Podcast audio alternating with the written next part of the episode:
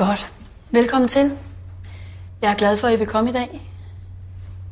Jeg ved, at David har noget meget vigtigt, han gerne vil sige til jer.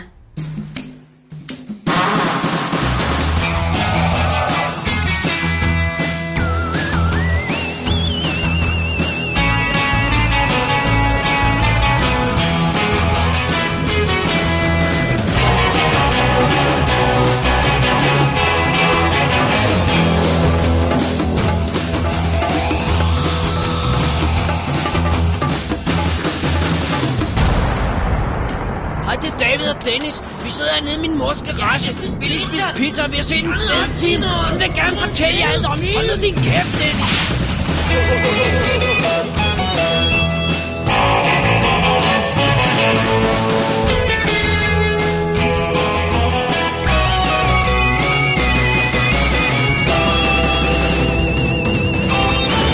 Double D's Definitive DVD Podcast. Velkommen til Double D's Definitive DVD podcast episode nummer 193 af Stupid Alien.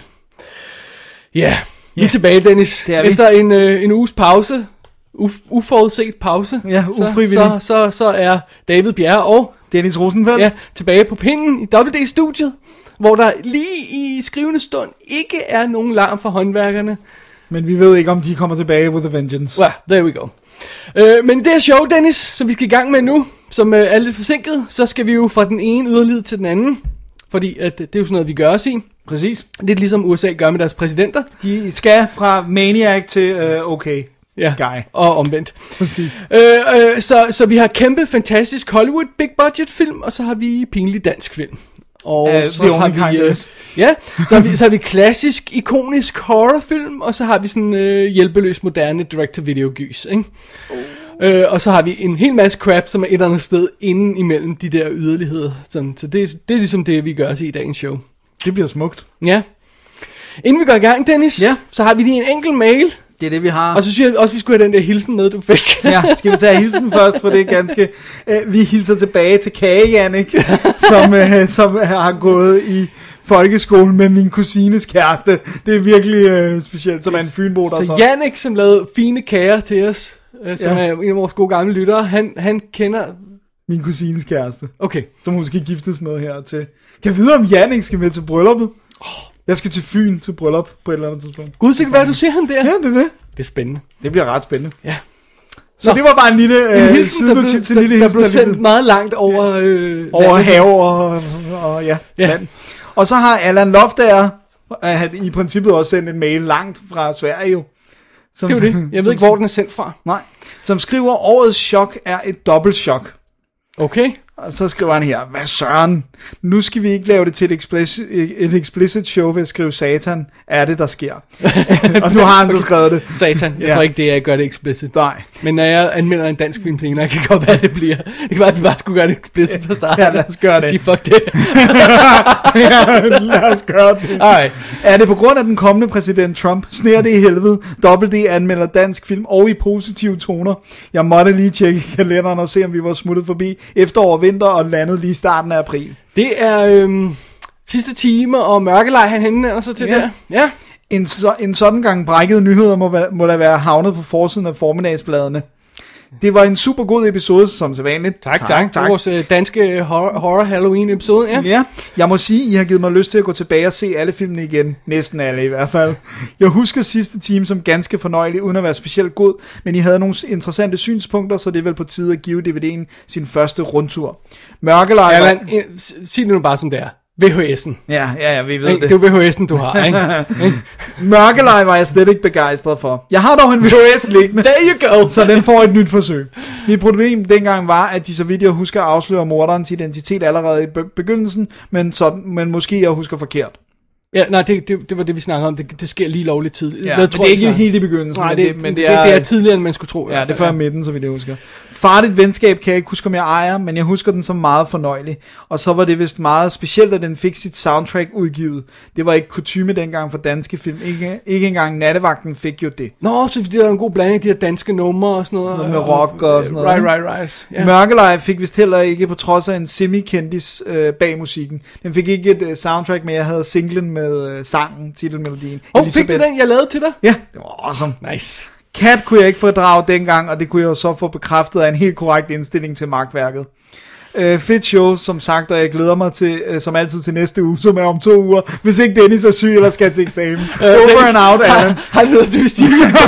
Sorry! I forbindelse med den sidste. Vi var lige lidt forsinket. Aha, Vi skyder skylden på Trump. aha. Han får prøve at alt dårligt, der sker i verden nu, fu- fuldstændig, uh, lige meget hvad det er, så er det Trumps skyld. Alright. Jamen jeg tror, øh, uden mere øh, ado, så øh, går vi i gang med dagens show, som er den sædvanlige øh, copyrighted, øh, øh, øh, trademarket øh, dobbelt-D-blanding af, af nyt og gammelt. Ja, det er jo det nye. Efterhånden ikke så nye, at vi blander. Ja, Ja, godt. godt. Så øh, skal vi bare gå i gang? Lad os gøre Hold det. break, og så gå i gang med dagens anmeldelser. God idé. Godt.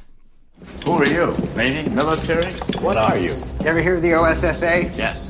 They don't know who I am. That should reassure you. Hey, look, Goodman, you haven't talked to anyone about this, have you? Yeah, I talked to the helicopter pilot. What did you tell him? What did I tell him? I told him I was here to see the, the, the plane crash. That's my job. Plane crash. Good. There was no plane crash. Spacecraft. Oh, a spacecraft. Well, I guess that explains a lot. NASA? That doesn't surprise you? Well, at least it explains the secrecy. Secrecy's critical, Norman. You made that explicit in your report. What report? ULF. I wrote that for the Bush administration. And that's our Bible here. Every jot and tittle. But that was a report about a possible encounter with an alien being. You want to come with me? Så har du haft fat i en klassiker, Dennis. Det må man sige. Øhm, det var ikke en, vi skulle anmelde sammen i et eller andet øh, øh, Carpenter special, halløj, eller sådan noget på et eller andet tidspunkt, øh, eller, eller sådan noget. Det, det, det, det ved jeg Ej, ikke. ej, det, det er mere et spørgsmål, end det er en anklage. Det var bare sådan, øh, jeg, jeg tænkte, det var sådan en, du, du ville have proppet ind i sådan en Carpenter The special. special. Ja, det kan godt... Oh, man. Ej, jeg, du var vel, øh, du var vel øh, inspireret af, højtiden, som vi havnede Det var, i. det var jeg faktisk. Jeg havde faktisk ikke tænkt over det. Skal jeg droppe den? Ja, Nej. drop den, Dennis. Jeg Kom, dropper vi springer den over, og så går videre. Det, ej, det, det, det, det, han, har, det, det, han har jo lavet en til, som vi kunne tage fat på. Som vi, jeg har anmeldt, eller jeg har taget fat i Halloween. Right. Den, den originale 1978 Halloween, øh, som øh, vi simpelthen ikke har anmeldt før nu. Du har anmeldt øh, remaket, ikke? Jo, Hvis jeg husker og noget. også toer remaket, eller Right, right, toer right. fortællelsen. Ja. Men det her, det er jo så altså den originale, som jeg synes, jeg, man efterhånden rimelig sådan enigt krediterer med den moderne slasher øh, sådan komme, ikke? Øh, og det er jo altså en low budget film øh, fra 78. Var, hvem var, var det Martin Smith, der sagde, at det var den, der havde opfundet jump scares? Eh, nej, var det, ikke, var det ikke Flenset? En, Jeg kan ikke huske, hvem det var dem. Det var i hvert fald ham på Flenset, der sagde det der med, at han startede med, ligesom i Halloween, hvor det var et græskar. Så her var det bare en havenisse. ja, havenissen. Havenissen, From hell. den famøse havenisse. Det er jo ganske enkelt. Vi starter med øh, Halloween aften 1963. En pige bliver slået ihjel. Vi får afsløret, at det er en 6-årig dreng, Michael Myers, der har slået sin egen søster ihjel. Og så springer vi 15 år frem, hvor han øh, flygter fra et psykiatrisk hospital, og hans øh, psykiater, Dr. Sam Loomis, øh, spillet af Donald Pleasence, sætter jagten ind øh, efter ham, og han er overbevist om, at det Michael Myers vil, det er at tage tilbage til byen Haddonfield, som er sådan en lille idyllisk øh, forstads øh, sådan by med ens rækkehuse. Han vil tage tilbage der og wreak havoc, øh, og, og han sætter efter ham. Og så skal, er der en masse teenager, teenager, der bliver slået ihjel. Ja, og i princippet... Det er plottet. Det, det er plottet, ikke? Og, og man kan sige, at vores heldinde, som jo er den første Scream. Queen, det er Jamie Lee Curtis i en ung og meget, meget sød og dejlig udgave. Og hun spiller altså Laurie Strode, som øh, er, øh, hun er sådan lidt, hun har veninder, men hun er sådan lidt outsider, hun er ikke så populær på skolen, slet ikke hos fyrene, så hun bruger enormt meget tid på bare at babysitte nabolagets børn, i stedet for at gå på dates og sådan noget. Og så følger vi nogle af hendes veninder, og, øh, og så har vi så øh, øh, Michael Myers, der ankommer og tager den her, han har fået fat i en Halloween-maske, som er sådan en hvid, øh, sådan fuldstændig uden træk, og med hår maske, som han render rundt med, og så en køkkenkniv, der er hans preferred weapon of choice. Og, øh, og så render han rundt og slår folk ihjel. Right. Og det er jo altså øh, rigtig mange af de her, hvad vi i dag betragter som, som øh, faste ingredienser. Altså nærmest alle de ting, som Scream laver sjov med af regler, de bliver etableret her. Altså det der med, har du sex, bliver du slået ihjel. Right. Hvis du siger, I'll be right back, Så you won't. kommer du ikke back. Præcis. Og det er altså ret vildt. De, det har man simpelthen, det er i den her film, og det har folk simpelthen opdaget og taget fat i, og det, det, det er en god idé at gøre det, ikke? Fordi at fredag den 13. er jo flere år efter og sådan noget, og den har jo i- især det der med sex skal straffes. Og, 80 eller 81? 80, eller ikke? 80, ja. Øh, og, og så har vi jo så det her med, det der gør, at jeg synes, at den her film faktisk fungerer, det er Sam Loomis karakteren, altså Donald Pleasence, han spiller virkelig fedt, det der med, at han siger, øh, at øh, han prøvede at rehabilitere Michael Myers, men han måtte opgive, fordi der var intet bag øjnene. Det var emptiness, det var evil, og sådan, altså det der med, han, han, han taler for, at han bare skal være spærret inden for evigt, og nu er det hans skyld, at han er sluppet ud og sådan, ikke? Oh no! Øhm, men der er jo næsten ikke noget andet i den her film. Altså det er jo bare, og det er jo ikke engang særlig mange drab. Jeg, jeg har ikke genset den for nylig. Nej. Så bear that in mind. Men, men da jeg så den for nogle år siden, så så jeg den for første gang for nogle år siden. Og Der blev jeg altså morderligt skuffet. Ja. Det kunne den simpelthen ikke holde til. Fordi he- det hele den genre er bygget op, som du siger netop, og, og, og med at stjæle fra den. Og så videreudviklet naturligvis. Så Ja. alle de ting, jeg har set, har videreudviklet fra de her idéer. Der, der kan man altså ikke gå tilbage til originalen, synes jeg. I'm sorry. Ej, det skal du altså, ikke undskylde, fordi der er, der er jo flere ting, som, som, som simpelthen slår mig hver gang jeg ser den. Det der med, hvor lidt blodig den for eksempel er. Altså du ser næsten ikke Men jeg synes bare, det er så underligt, at du ikke kan gå tilbage til den, men du kan gå tilbage til Thing Ja. konstant og hele tiden. Ja. Fordi der er bare ikke nogen, der har Men, men hvad skal, overgået den, selv med alle sådan nogle alien invasions og alt sådan noget. Ikke? Der er bare ingen, der har fået fat i det, eller body horror film og sådan noget. Der er ingen, der har fået fat i det samme som ham der. nej. Jeg tror, man skal, jeg tror, man skal have i mente, altså, og det, nu er det svært med budgetter, fordi det er 1978, men den er altså lavet for 300.000 dollars. Det er ikke særlig mange penge. Synes ikke, det føles som, som, som, Nej, det gør som det ikke. der mangler penge nej, som nej, sådan. men det har jo altså? gjort, at de er meget, altså der er få skuespillere, der er få locations, øh, det er sådan ligesom to, det foregår nærmest alle sammen i to huse, der, der ligger sådan, og der er også nogle gange, er der noget med sådan tid og, og rum, som de har sådan lidt svært, altså det der med, øh, de skal efter sine så er den her by ret lille, og de skal bare køre fra et hus til et andet, men så går det fra øh, sol og dagslys til bælragende mørk, på trods Right. af, det burde være en øh, 30 sekunders biltur og sådan. Altså der er sådan nogle underlige ting, de ikke rigtig har kunne sådan slippe udenom, og så bare mængden af mennesker, der, der er til at blive slået ihjel, gør jo også, at de må trække nogle ting ud, fordi jamen, de har altså 4-5 mennesker, der kan blive nakket, ikke? Der er ikke så meget kanonføde. Der er der nemlig ikke. Øh, jeg synes, det den fungerer på, det er, at Jamie Lee Curtis er virkelig god i den i Halloween her, øh, og dukker jo også op i flere af de andre. Ikke? Hun er rigtig god. Øh, Michael Myers karakteren er creepy. Altså den måde, han, han bare står og kigger på folk, eller bare bevæger sig. Og, man, og det der med, at du... Det er jo det, den nye begik af fejl. Det er jo det der den ville så gerne forklare, hvorfor han er, som han er. Her der er det bare sådan, at han er bare ond. Altså, der er ikke nogen dybere liggende forklaring. Hans forældre var ikke onde ved ham. Det er ikke sådan, han er blevet mishandlet. Eller... Og det, det er jo en hårdfin balance, for nogle gange kan det godt være utilfredsstillende ikke at forsvare. Ja. Ja. Ikke? Så det, er sådan, det, man skal, det kommer an på, hvad for en situation man er i. Ja, Altså, det, du, man må tilgive Rob Zombie, at han tror, at han skal forklare det. Ja.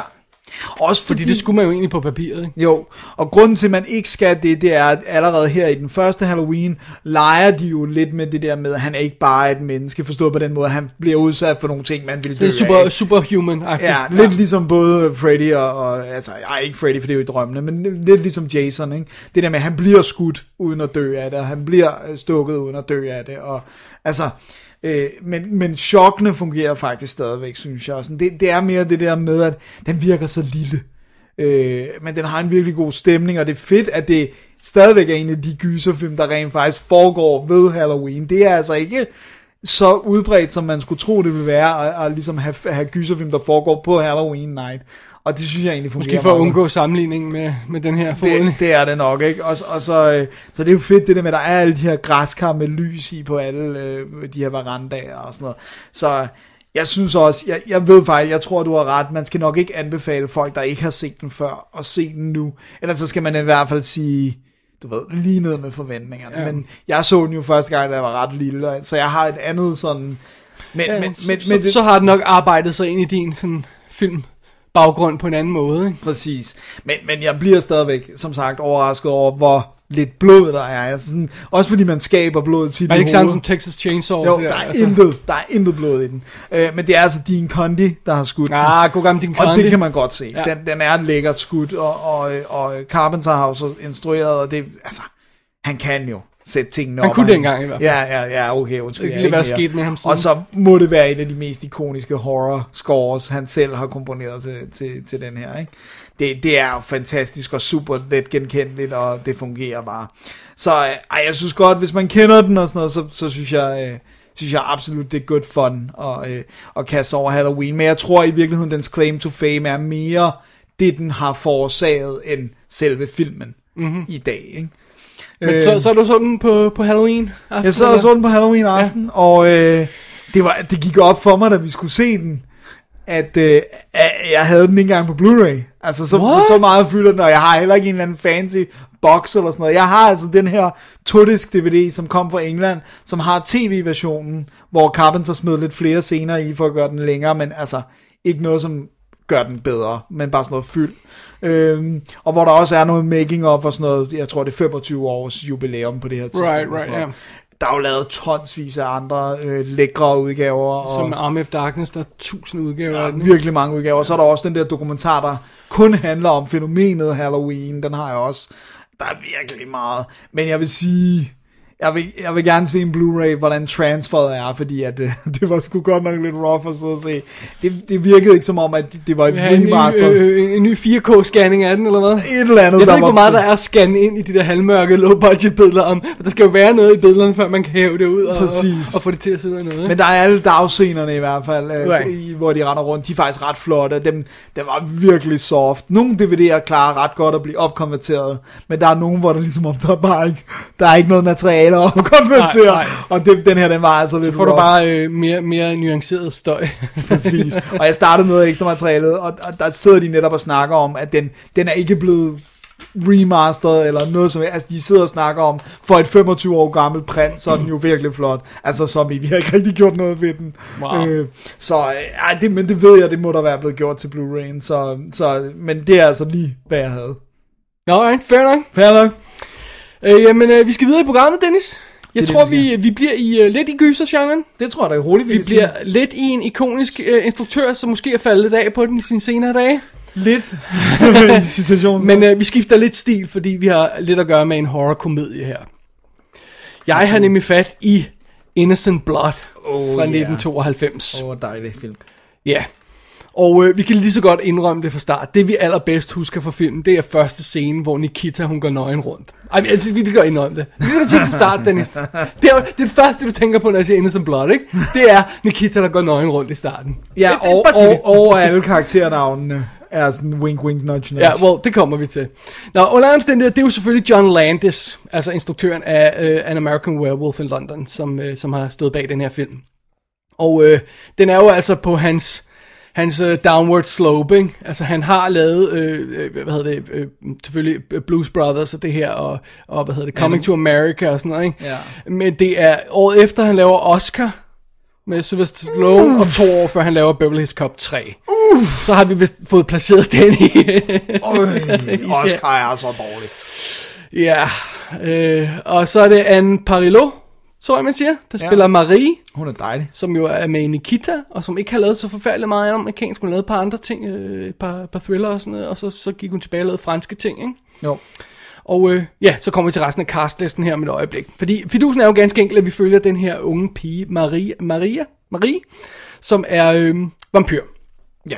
Ja, det, kan vi så godt sige. Og hun, øh, hun går rundt og suger blod ud af folk, og øh, så har hun jo sådan fundet ud af den her meget smarte idé med, at hun skal gøre det af slemme folk. Ja. Så, så hun, det er sådan en præ-Dexter.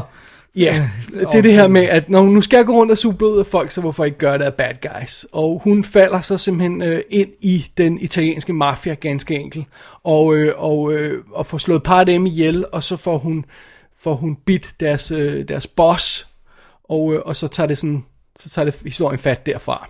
Ja. Så det er som udgangspunktet for Innocent Blood.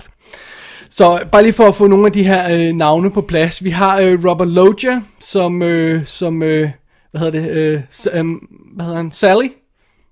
Sally, tror jeg, ja, The Shark, Ja, Sally the Shark. ja, som er øh, gangsterbossen, ikke? Ja. Og det er jo altså øh, ham, vi kender fra Scarface og Independence Day og alt muligt andet, ikke? Han døde for nylig, og Ja, ja, det, det så var det han, år eller sidste år. De havde ham lige med i uh, Independence Day 2, kan du, kan du det? Der Ja, var et af ene ja, ja, billede der- af ham der, ikke? Ja, hvor han skulle have en medalje eller eller noget. Lige præcis. Og øh, at de, de folk, der arbejder for ham, det er jo altså alle de der kendte gangster skuespillere. Altså sådan øh, Chaz Palminteri og, øh, og hvad hedder det, øh, nu kan jeg ikke engang huske alle navnene på dem. Det var sådan de der, du har bare set en million gangster ting. Ja, og det er altid sådan er sådan, what you doing Ja, ja, ja, what's going on? Hey, Luigi!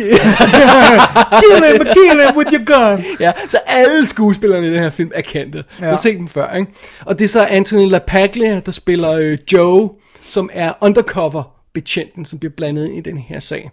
Altså Anthony LaPaglia fra, fra Without a Trace og Murder One og sådan noget, og Empire Records selvfølgelig. Ja, men mest tv efterhånden. Han er blevet sådan lidt en tv-skuespiller, ikke? Øhm, jo, jo, det, det tror jeg nok, vi, vi, må, vi må sige, han er, desværre jo.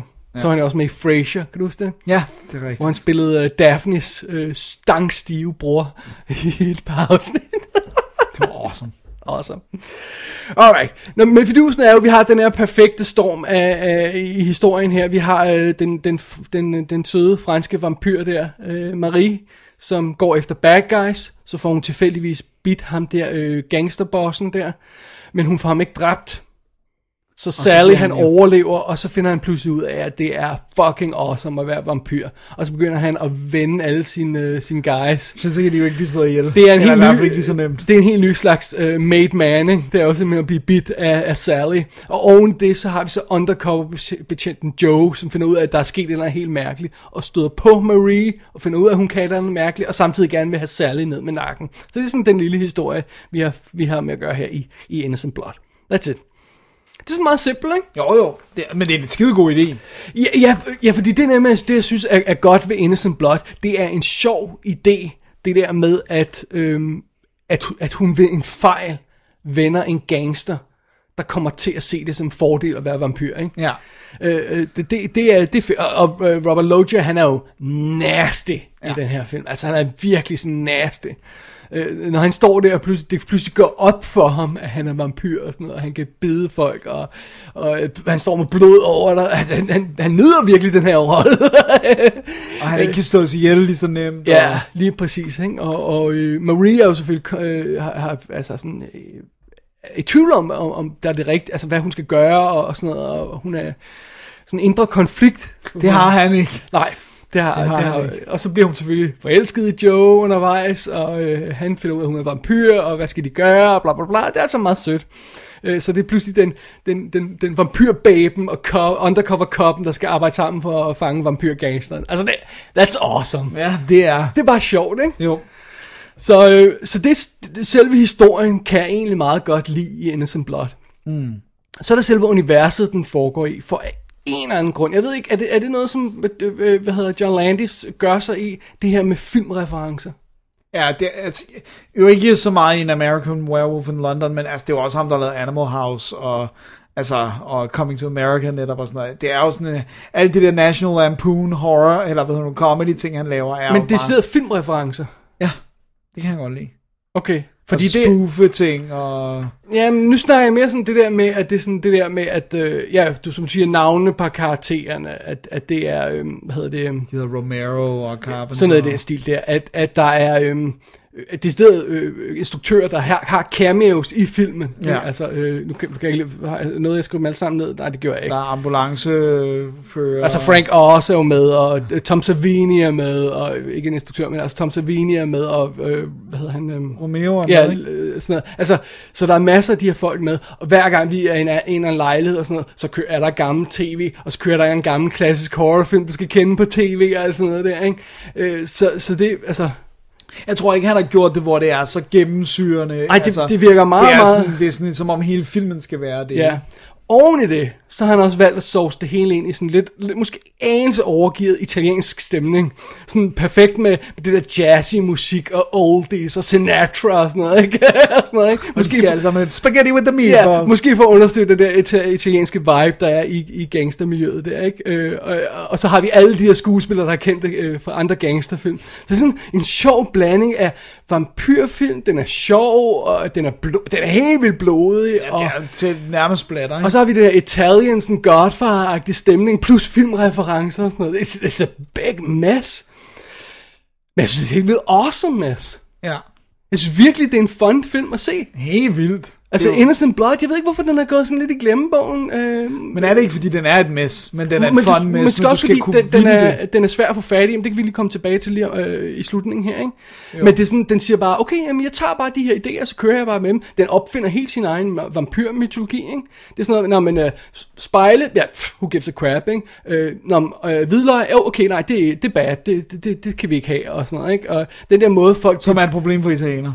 Right, exactly. Which is fun, ikke? Som de også fundet ud af, ikke? Øh, den forklarer ikke sin mytologi. Der er ingen, der siger vampyrordet i den. Øh, den forklarer ikke noget om det her med, med sol. Hun siger bare, om jeg, jeg, jeg, jeg kan ikke være ude i sollyset, siger hun bare på et eller andet tidspunkt. Ikke? Øh, Det, der sker, når de, øh, de her vampyrer bliver fanget i sollyset, er fantastic.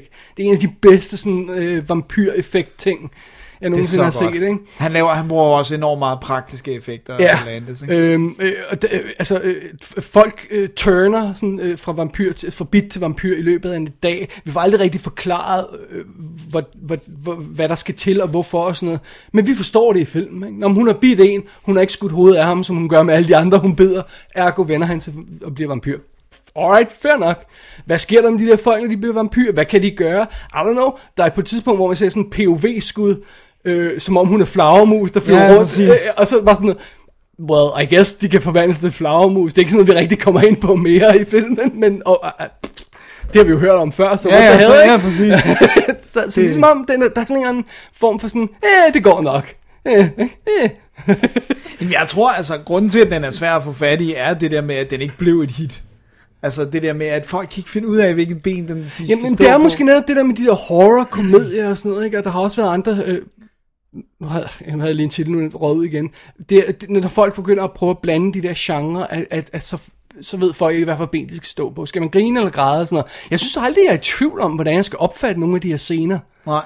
Nej, nej, det føler jeg heller ikke med, men jeg tror, jeg tror horror comedy genren er ret svær. Ja. Altså fordi folk simpelthen ikke, øh, altså fordi det tog så på, på mange måder modsatrettet, altså der vil noget forskelligt. Right. Så det der med, hvis du meget er til horror, Ja, også så er fordi, du måske ikke til comedy. Fordi den er voldsom. Altså, den er virkelig blodet. Blodet sprøjter afsted, og, og folk bliver forredet arme og ben af. Og sådan noget Præcis, den her den er film, ren gore, ikke? Ja, ja, så, så den Så er hvis du bare er til komedier, så vil du ikke se den her. Nej. Og hvis du ikke, altså hvis du virkelig er sådan, du vil have hardcore horror, hvor der ikke er noget at grine af, jamen, så er den jo Men også... jeg synes bare, der er sådan specielt måske mellem os og vores øh, øh, øh, crew her, øh, er- er der sådan et, et stort sammenfald af, af, af kærlighed til, til, til de her elementer, der er i filmen, så, så det er bare sådan noget, jamen, vi kan da sagtens følge med i den her blanding. Jamen helt bestemt, og jeg føler også, at dem, der godt kan lide, altså jeg føler, at vi kender mange, der godt kan lide Innocent Blood, men det er alle sammen filmnørder. Det er ikke bare, altså, herre og fru Jensen er ikke vild Nej, nej, Blood. det- Det, er dem, der synes, det er sjovt, at ah, vi Og genkender... fanger og genkender øh, Frank Oz. Ja. Ved, hvem Frank Oz er. Se, Præcis. hvordan ser Frank Oz ud, ikke? Altså, Ja. hvis man ved det, jamen, så tror jeg, okay, ja, fair nok, så, så er Innocent Blood måske nok en film for en, ikke? Så jeg tror måske også, det kan være et problem, at Men det er også- er for indforstået. Jamen, det er måske også det der med, den er sjov jo, mm. men den er ikke haha sjov. Nej. Så det er det, det, det, det der underlige øh, sidde mellem to stole-agtige ting, ikke? Det, det er måske det, der gør den er, er problematisk. Ja, og så er der altså også nogle af de der film, der, hvor, de er, hvor det er sådan, at alle de der mange ting hænger på, at man kan forstå alle referencerne. Og hvis det så går over hovedet på en, så kan det være, at filmen virker flad, fordi du ikke... Altså, hvis du gør det godt, så formår du jo at åbne filmen for alle, og så er der bare nogle lag for andre, ikke? Men det er det, jeg synes, den gør. For eksempel, hvis du ikke fanger, Frank Oz er, er, er ham lige manden der, eller hvad hedder det, på ligehuset der, ikke? Ja. Så er det stadig en sjov scene, fordi mm. han bare, ham der livet bare rejser sig op og går, og så står ham gutten der, hell, ja. come back, ikke? Altså, så så, så, så, awesome. så, jeg synes, det er, ja, I don't know. Og, og så en anden ting, jeg, jeg skide godt kan lide ved den, det er, at den får rent faktisk det der søde par i centrum til at virke. Ja. Øh, La Paglia og, øh, hvad hedder hun, øh, Nikita, ikke? Ja. Han, det, det, de er virkelig søde sammen. Altså sådan virkelig nuser sammen, ikke? Ja. Øh, så de er, det, at de fanget i den der ubehagelige situation med, at han er kop, og hun er vampyr og sådan noget, det, det er bare sådan Det noget. er bare en ubehagelig situation. Ja, det, det, det er sødt. Det er Ja. sødt drama, der udvikler sig i det, ikke? Man holder med dem, ja helt bestemt. så I, I like it. Jeg synes, det er en sød, sjov lille film. Ja. Innocent Blood her.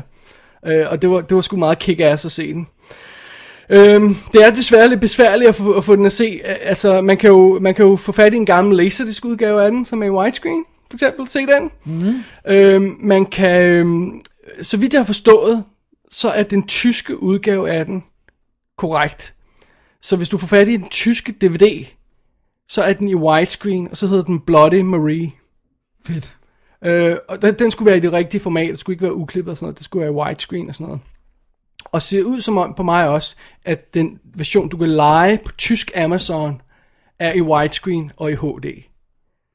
Men, hvis du leger den på amerikansk iTunes, hvis du leger den på Amazon og alle de her løgsager, så er den i, H, øh, i øh, SD, altså Standard Definition, ikke i HD, og den er 4.3. Så den er klip, altså panscanner. Ja, Flot. og øh, den gamle amerikanske DVD, der er ude af Og den, også den er også 4.3, ja. Ja, og det er nemlig grunden til, at jeg aldrig investeret. Ja. Så det er også det, vi snakker om, den er svær at få fat i. Man skal altså lige stå på hovedet lidt for at... Øh, altså, man kan selvfølgelig ro- hive den gamle øh, laserdisc frem, ikke? Øh, og sådan noget, men, men ellers så skal man altså stå lidt på hovedet for at finde en rigtig udgave. Det er jo lidt synd, ikke? Og, og, og det gør selvfølgelig også, at den ikke får et nyt liv, Den er ligesom når man ikke, ude. ja, når man ikke kan få fat i den på nogen ordentlig måde. Ikke? Det, det synes jeg er synd. Ja, det er det også. Ja. Jeg spekulerer på, hvis der kommer en ordentlig jubilæumsudgave her. Hvad, er- hvad er, vi? er vi 25 år her om øh, næste år, ikke? Jo, det må være Øhm, øhm, at man så lavede en ordentlig udgave, om, om den så kunne få en lille revival. Det kunne være meget fedt. Det kunne være lidt fedt. Ej, jeg synes, den fortjener i det mindste at være ude med øh, rigtig billedformat, ja. ikke? Korrekt widescreen og HD og sådan noget, ikke? Ja, det er sgu det Twilight mindste. Time kunne sende den ud, sådan en lille... Åh, oh, det var awesome. Jeg ville også elske at se uh, making of på, men, men jeg vil ja. faktisk tage til takke med et HD transfer. i Kommentarspor med, med Joe Dan... Øh, widescreen. John Landis. ja, John Landis, Ja. sorry. Det bliver awesome. Så det var Innocent Blood, Dennis. Det var det. Ej, det var, det var sgu fedt lille gensyn. Det må jeg Det var rigtig, rigtig hyggeligt at se den. Dejlig film. Ja, det synes jeg. Fedt. Bliver vi i den hyggelige genre? Det gør vi, eller det, det her det er knap så sjovt, men uh, stadigvæk... Ej, jeg ved ikke, om det er en gyser. Det, jeg vil nok hellere kalde det en thriller, men det skal vi nok komme ind på. Okay. Wake in Fright, som jo lidt nogle steder bliver kaldt den australske Deliverance. Det synes jeg ikke er helt fair, men jeg forstår godt, hvorfor folk laver den øh, øh, sammenligning. Wake in Fright. Wake in Fright. Og det er en australsk film, men den er altså instrueret af Ted Kotcheff, som lavede First Blood, øh, blandt andet. Han blev simpelthen som instruktør hævet til Australien for at filmatisere en af de mest populære romaner. Øh, jeg skrev en, der hedder Kenneth Cook, som jeg ikke kender. Og hvad Øh, er den fra? Den er fra 1971. Og den er så skudt... Og øh, kan du huske, hvornår Deliverance er fra? Et Deliverance er fra 75, ikke? Jo. Jeg er næsten 100% sikker. Jeg var også i start 70'erne. Uh, jeg har ikke lige det rigtige år i hovedet. Det, Gud, er den fra 72? Jeg tror, jeg, jeg, det er lige før, jeg tror, 72 passer bedre. Jeg tror, ja. du har ret. Alright. Vi kan lige tjekke det i pausen. Men, men øh, den er i, i hvert fald, øh, hvad hedder det nu, øh, den er australsk, og, øh, og det er altså på et tidspunkt, hvor australsk film ikke var en thing. Altså, det, det, der blev Før ikke... Mad rigtig- Max. Ja, præcis. Det, det, var ikke, det, var ikke, det var ikke så alment, at, at Australien producerede film på det her tidspunkt. Og øh, det handler ganske enkelt om øh, John Grant. Har du et årstal? Nej. Nej, ikke nu. John Grant, øh, som bliver spillet af Gary Bond, som desværre ikke nåede at lave så meget. Han døde ret ung. Øh, og det her, hvis den er hans eneste film, så gik han over til at lave tv-ting og sådan noget.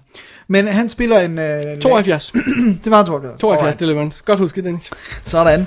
Han er lærer, og han øh, kommer oprindeligt, oprindeligt fra en, øh, en stor by, men det der er med, øh, hvad hedder det nu, australsk lærersystem, det er, at i de første år, der vælger du ikke selv, hvor du er lærer.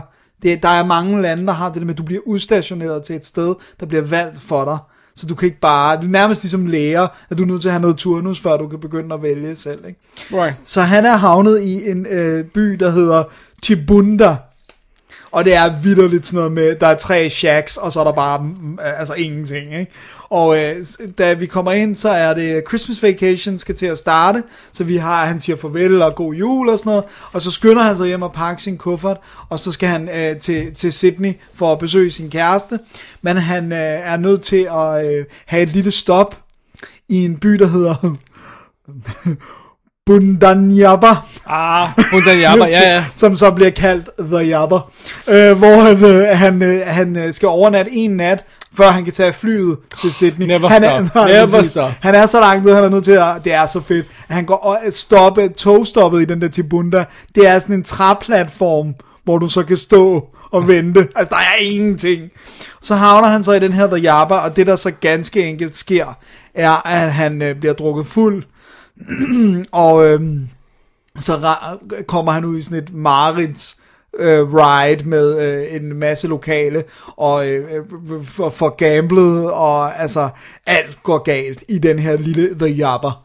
Øh, og det er faktisk hvad filmen handler om, at vi, vi møder Donald Pleasance som, vi, øh, som vi lige har set i Halloween eller lige har set. Øh, han spiller en, en læge nu laver jeg citations- den laver air quotes i luften her. som virkelig er en drunk.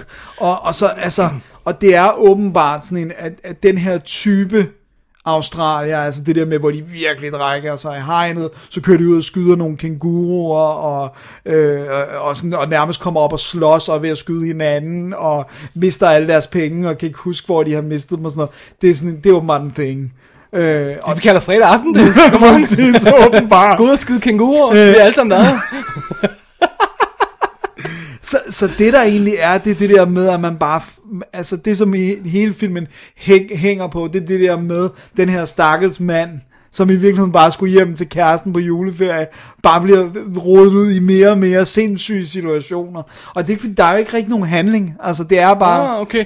Det, det lyder som om, den er lidt mere modbydelig, end, øh, end for eksempel, øh, hvad hedder den, den der, hvor øh, John Cleese, han, han, han mister sin time manager. altså, det lyder som om, det er lidt mere alvorligt. Ja, det er sådan lidt mere, øh, det er sådan lidt, og, og så er det virkelig... Nu sagde du Deliverance før, ikke? Altså, Jo, det er det, altså, det er ikke fordi, der, den er ikke helt derude, men det er bare sådan, det er bare nedrige mennesker, og det er bare sådan nogle, altså du, du ved, politibetjenten, der sådan hele tiden siger til ham, vi skal lige have en øl til, hvor han bare sådan, hvor han er sådan lidt, nej, jeg har ikke, jeg har ikke lyst til mere, ja. hvor så fornemmer man, det har du. Du har, altså, du siger ikke nej til øl her, nu. Og sådan, altså, hvor han nærmest bliver skældt ud, for altså af flere også andre mennesker i den der by, hvor de siger sådan, hvor der er en, der siger, lad mig give dig en øl, hvor han siger, jeg har ikke nogen penge. Hvad har det med det noget at gøre? Jeg siger, jeg vil give, altså, det er ligesom om, de skal drikke sammen. Det er helt, den der, og kvinderne ser man ikke rigtigt. De er bare bartender, eller dem, der laver maden, eller sådan noget, ikke? Of course. Øh, men, men ellers så er det bare det her med mænd, der drikker sig fulde og slås. Og det der men, med... Men, men, men, men, men, men, men, men, øh, hvad, hvad handler den så om? Men der kan man jo ikke lave en film på, vel? nej, men altså, det handler om det der med, at han, han basically har de lavet en film på det. altså okay, fordi jeg, jeg synes, at det er en random form for pointe eller sådan eller Ja, men det, men det er simpelthen, det, altså jeg tror, at det som, det er svært at sætte sig ind i, når man ikke kender, her i and Fright, kender Australien, og slet ikke på det tidspunkt, men det virker som om, at det de virkelig vil næle, og også som bogen vil næle, det det der, den der drukkultur, og den der med, der er på et tidspunkt, hvor han bare begynder at råbe af en.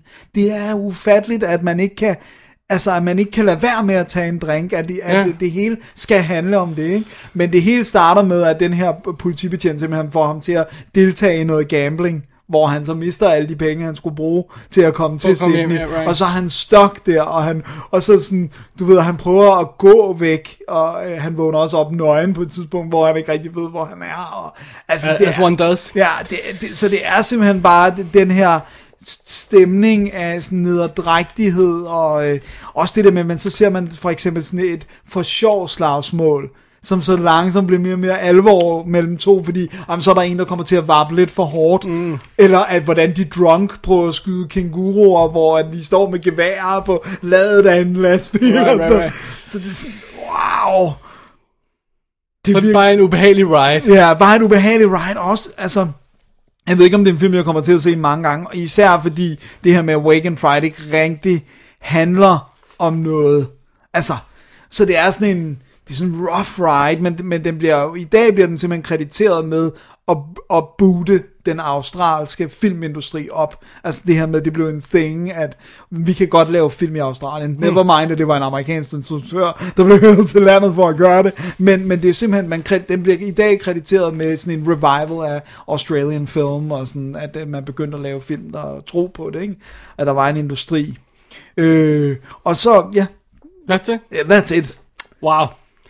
Det, det er virkelig odd, for jeg har virkelig hørt den omtalt som sådan en... Det er jo en film, der har været lost. Så det er jo derfor, ah, den kom okay, med ja. alt det her. Så nogle gange så de her film, der bliver fundet efter at være lost, de bliver sådan hævet på et plan, de måske reelt helt har fortjent. Præcis. Altså, det er sådan noget med, at fra 1900 og... Ja, i princippet fra den havde premiere, så har den ikke været ude på noget hjemmevideo før 2009. Nice. Så det er jo mange år, at der, ligesom man har kunne gå og bygge den op til at være right, mere, right, right, right, end den er og sådan noget. Yeah. Og nu er den så kommet i en uh, Blu-ray fra... Um, Masters of Cinema? Ja, Masters yeah. of Cinema, øh, som har en bog, og så har den et, et rigtig godt interview med Ted Kotcheff, som husker rigtig mange ting. Blandt andet det her med den der kenguru-scene, jagtscene, er, hvor de fik lov til at filme nogle rigtige, hvor de bare sådan står og siger, han, de siger til ham, hvor vil du gerne have, at vi skyder dem? Hvor han bare sådan lidt, øh, hvad mener du? Jamen, hvis vi skyder dem i hjertet, så dør de med det samme, men hvis men gør et eller andet, men hvis, men hvis vi skyder dem i hovedet, så laver de et spjæt, og så dør de. Så hvad vil du gerne have visuelt? Oh. Hvor han bare var sådan, det vil jeg ikke have ansvaret for, I skal gøre det, I vil. Og hvor han bare siger sådan, at så begyndte de at miss. Og så var han sådan, hvorfor bliver, er de blevet så dårlige til at ramme? Det var fordi, de allerede var blevet fulde. Altså det der med, at de sidder og drikker, og så kan de jo ikke ramme lige så godt, så lige pludselig er de nødt til at skyde dem flere gange, og det er så bad, men han får good. bekræftet det der med, at det som filmen handler om er en thing. Yeah, but that's not good. No, no, no, no, no. Men han har nogle fede historier, han husker rigtig godt, og, uh. og den er visuelt er den ret fed, fordi det, jeg har sgu ikke set meget, der ser så øde ud, men samtidig er befolket. Men man skal lige indstille hjernen på, at jeg troede, det var en gyser, og det er det ikke det er, bare, det er i princippet bare den her mands Marits, Marits ja, ja. Uh, sådan drunken trip, ikke? Uh, og så, altså... Men du vil heller ikke engang kalde en thriller, så... Nej, kun sådan lidt det der med, at der nogle gange er nogle af de der, der er sådan der troende, og, ja. og det der med, at han bliver tvunget til at drikke, han bliver ja. tvunget til at gamble, og... Og det er thrilling. Det er thrilling, men, nej, det er rigtigt, det er rigtigt, det er, that's true. Men jeg synes, det er meget fedt det der med, at den, dens tagline var Outback. Have a drink, mate. Have a fight, mate. Have a taste of dust and sweat, mate. There's nothing else out there. That's rough. Det er virkelig rough. Så, øh, Alright. ja, så, men, men cool at se. Jeg har, jeg har ikke, altså Ted Kotcheff har ikke lavet så meget, og han er First Blood-instruktøren for mig. Ja, det, så det var det. meget sjovt. Det her det er jo 10 år plus før, så ret sjovt at se, uh, se noget andet, han havde lavet. Fair enough. Så øh, det var Wake in Fright. Wake in Fright. Og øh, jeg tror, vi skal lige ud og, og have en pilsner, Dennis, og så øh, holde break. Og så ja, skyde en kanguru. Eller en østarbejder fra Stillaset. Ja. Øh, og, så, og så vender vi tilbage med en ny stak film her om et øjeblik. Lad os gøre det. There's something wrong with that measurement. Pacific coral grows at the rate of about an inch a year. You can set your watch by it. That's right. Yeah, well, so you're saying this spacecraft crashed in the year uh, 1709. So you're saying the spacecraft crashed 300 years ago? 288. Well, that's impossible. Well, it's not impossible if this spacecraft came to Earth from an alien civilization. Whoa, whoa, whoa. Wait a minute. You, you think this is an alien spacecraft? See, it's not impossible. It's ridiculous. We think there's an unknown life form on this spacecraft, and that's why you're here. You are the human contact team that was recommended in the Goodman Report. We have a biochemist to assess the physiology of the unknown life form. We have a mathematician, because that'll probably be our common language. And we have an astrophysicist to locate its place in the cosmos. Led by a psychologist. That's right. So that's what the little green men are saying nowadays? Take me to your therapist? Mm-hmm. Så er vi tilbage, og du har set en film om en gyngestol. Ja, Dennis siger, åh, jeg har været i IKEA. øh, nej, jeg har set The Rocker. På trods af adskillige gange, det er en meget clever joke, på 2008, øh, på trods af, at jeg adskillige gange har sagt til dig, at du burde se den, fordi det er en Dennis-film. Eventually, så bliver jeg nødt til at se den selv. Ja, ikke? det er rigtigt. Så der er jo ikke så meget at gøre ved det. Den er instrueret af, af Peter Cantaneo, tror ja. jeg, han hedder, som øh, lavede The Full Monty i tidens morgen, og har lavet øh, øh, 19 episoder af The Ref, eller nej, Ref hedder han bare, altså det der britiske om, øh, Om komedie fodbold, ikke? om øh, præsten. Altså Ref, Reverend. Nå, okay, ikke uh, ref. Ja, øh, Rev. Ja. Øhm, så jeg, jeg, jeg kender ikke rigtig ham som sådan, men nu øh, Full Monty instruktør. Kender vi, ja, ja. Fair. Og det er jo simpelthen Rain Wilsons film. Efter adskillige sådan, øh, år som supporting øh, i forskellige sjove roller og The Office og sådan noget. Han fik godt noget super, men det var sådan en lille bitte film, ikke? Ja.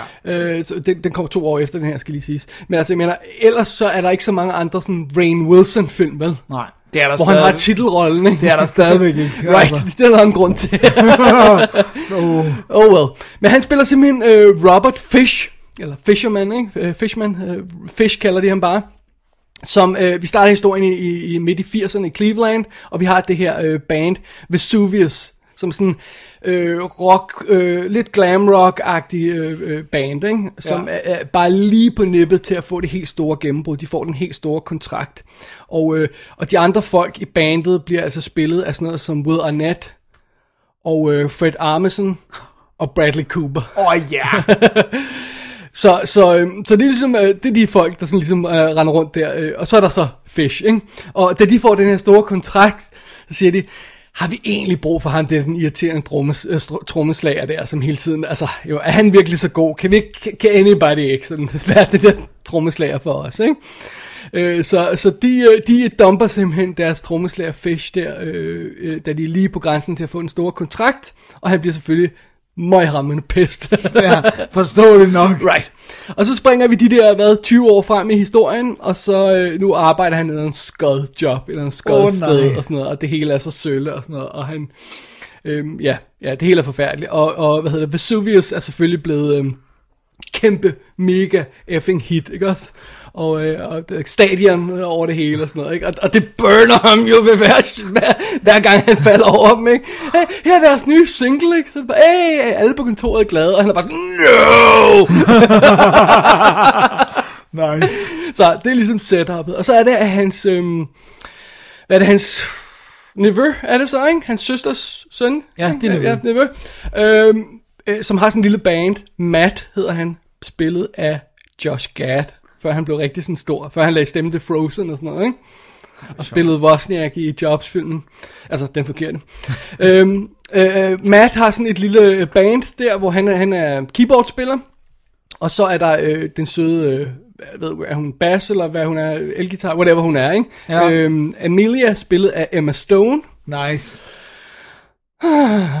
Emma Stone. Ja, og det er jo altså lige mellem Superbad og Zombieland, hun laver den her, ikke? Nice. Det er sådan rigtig, rigtig cool.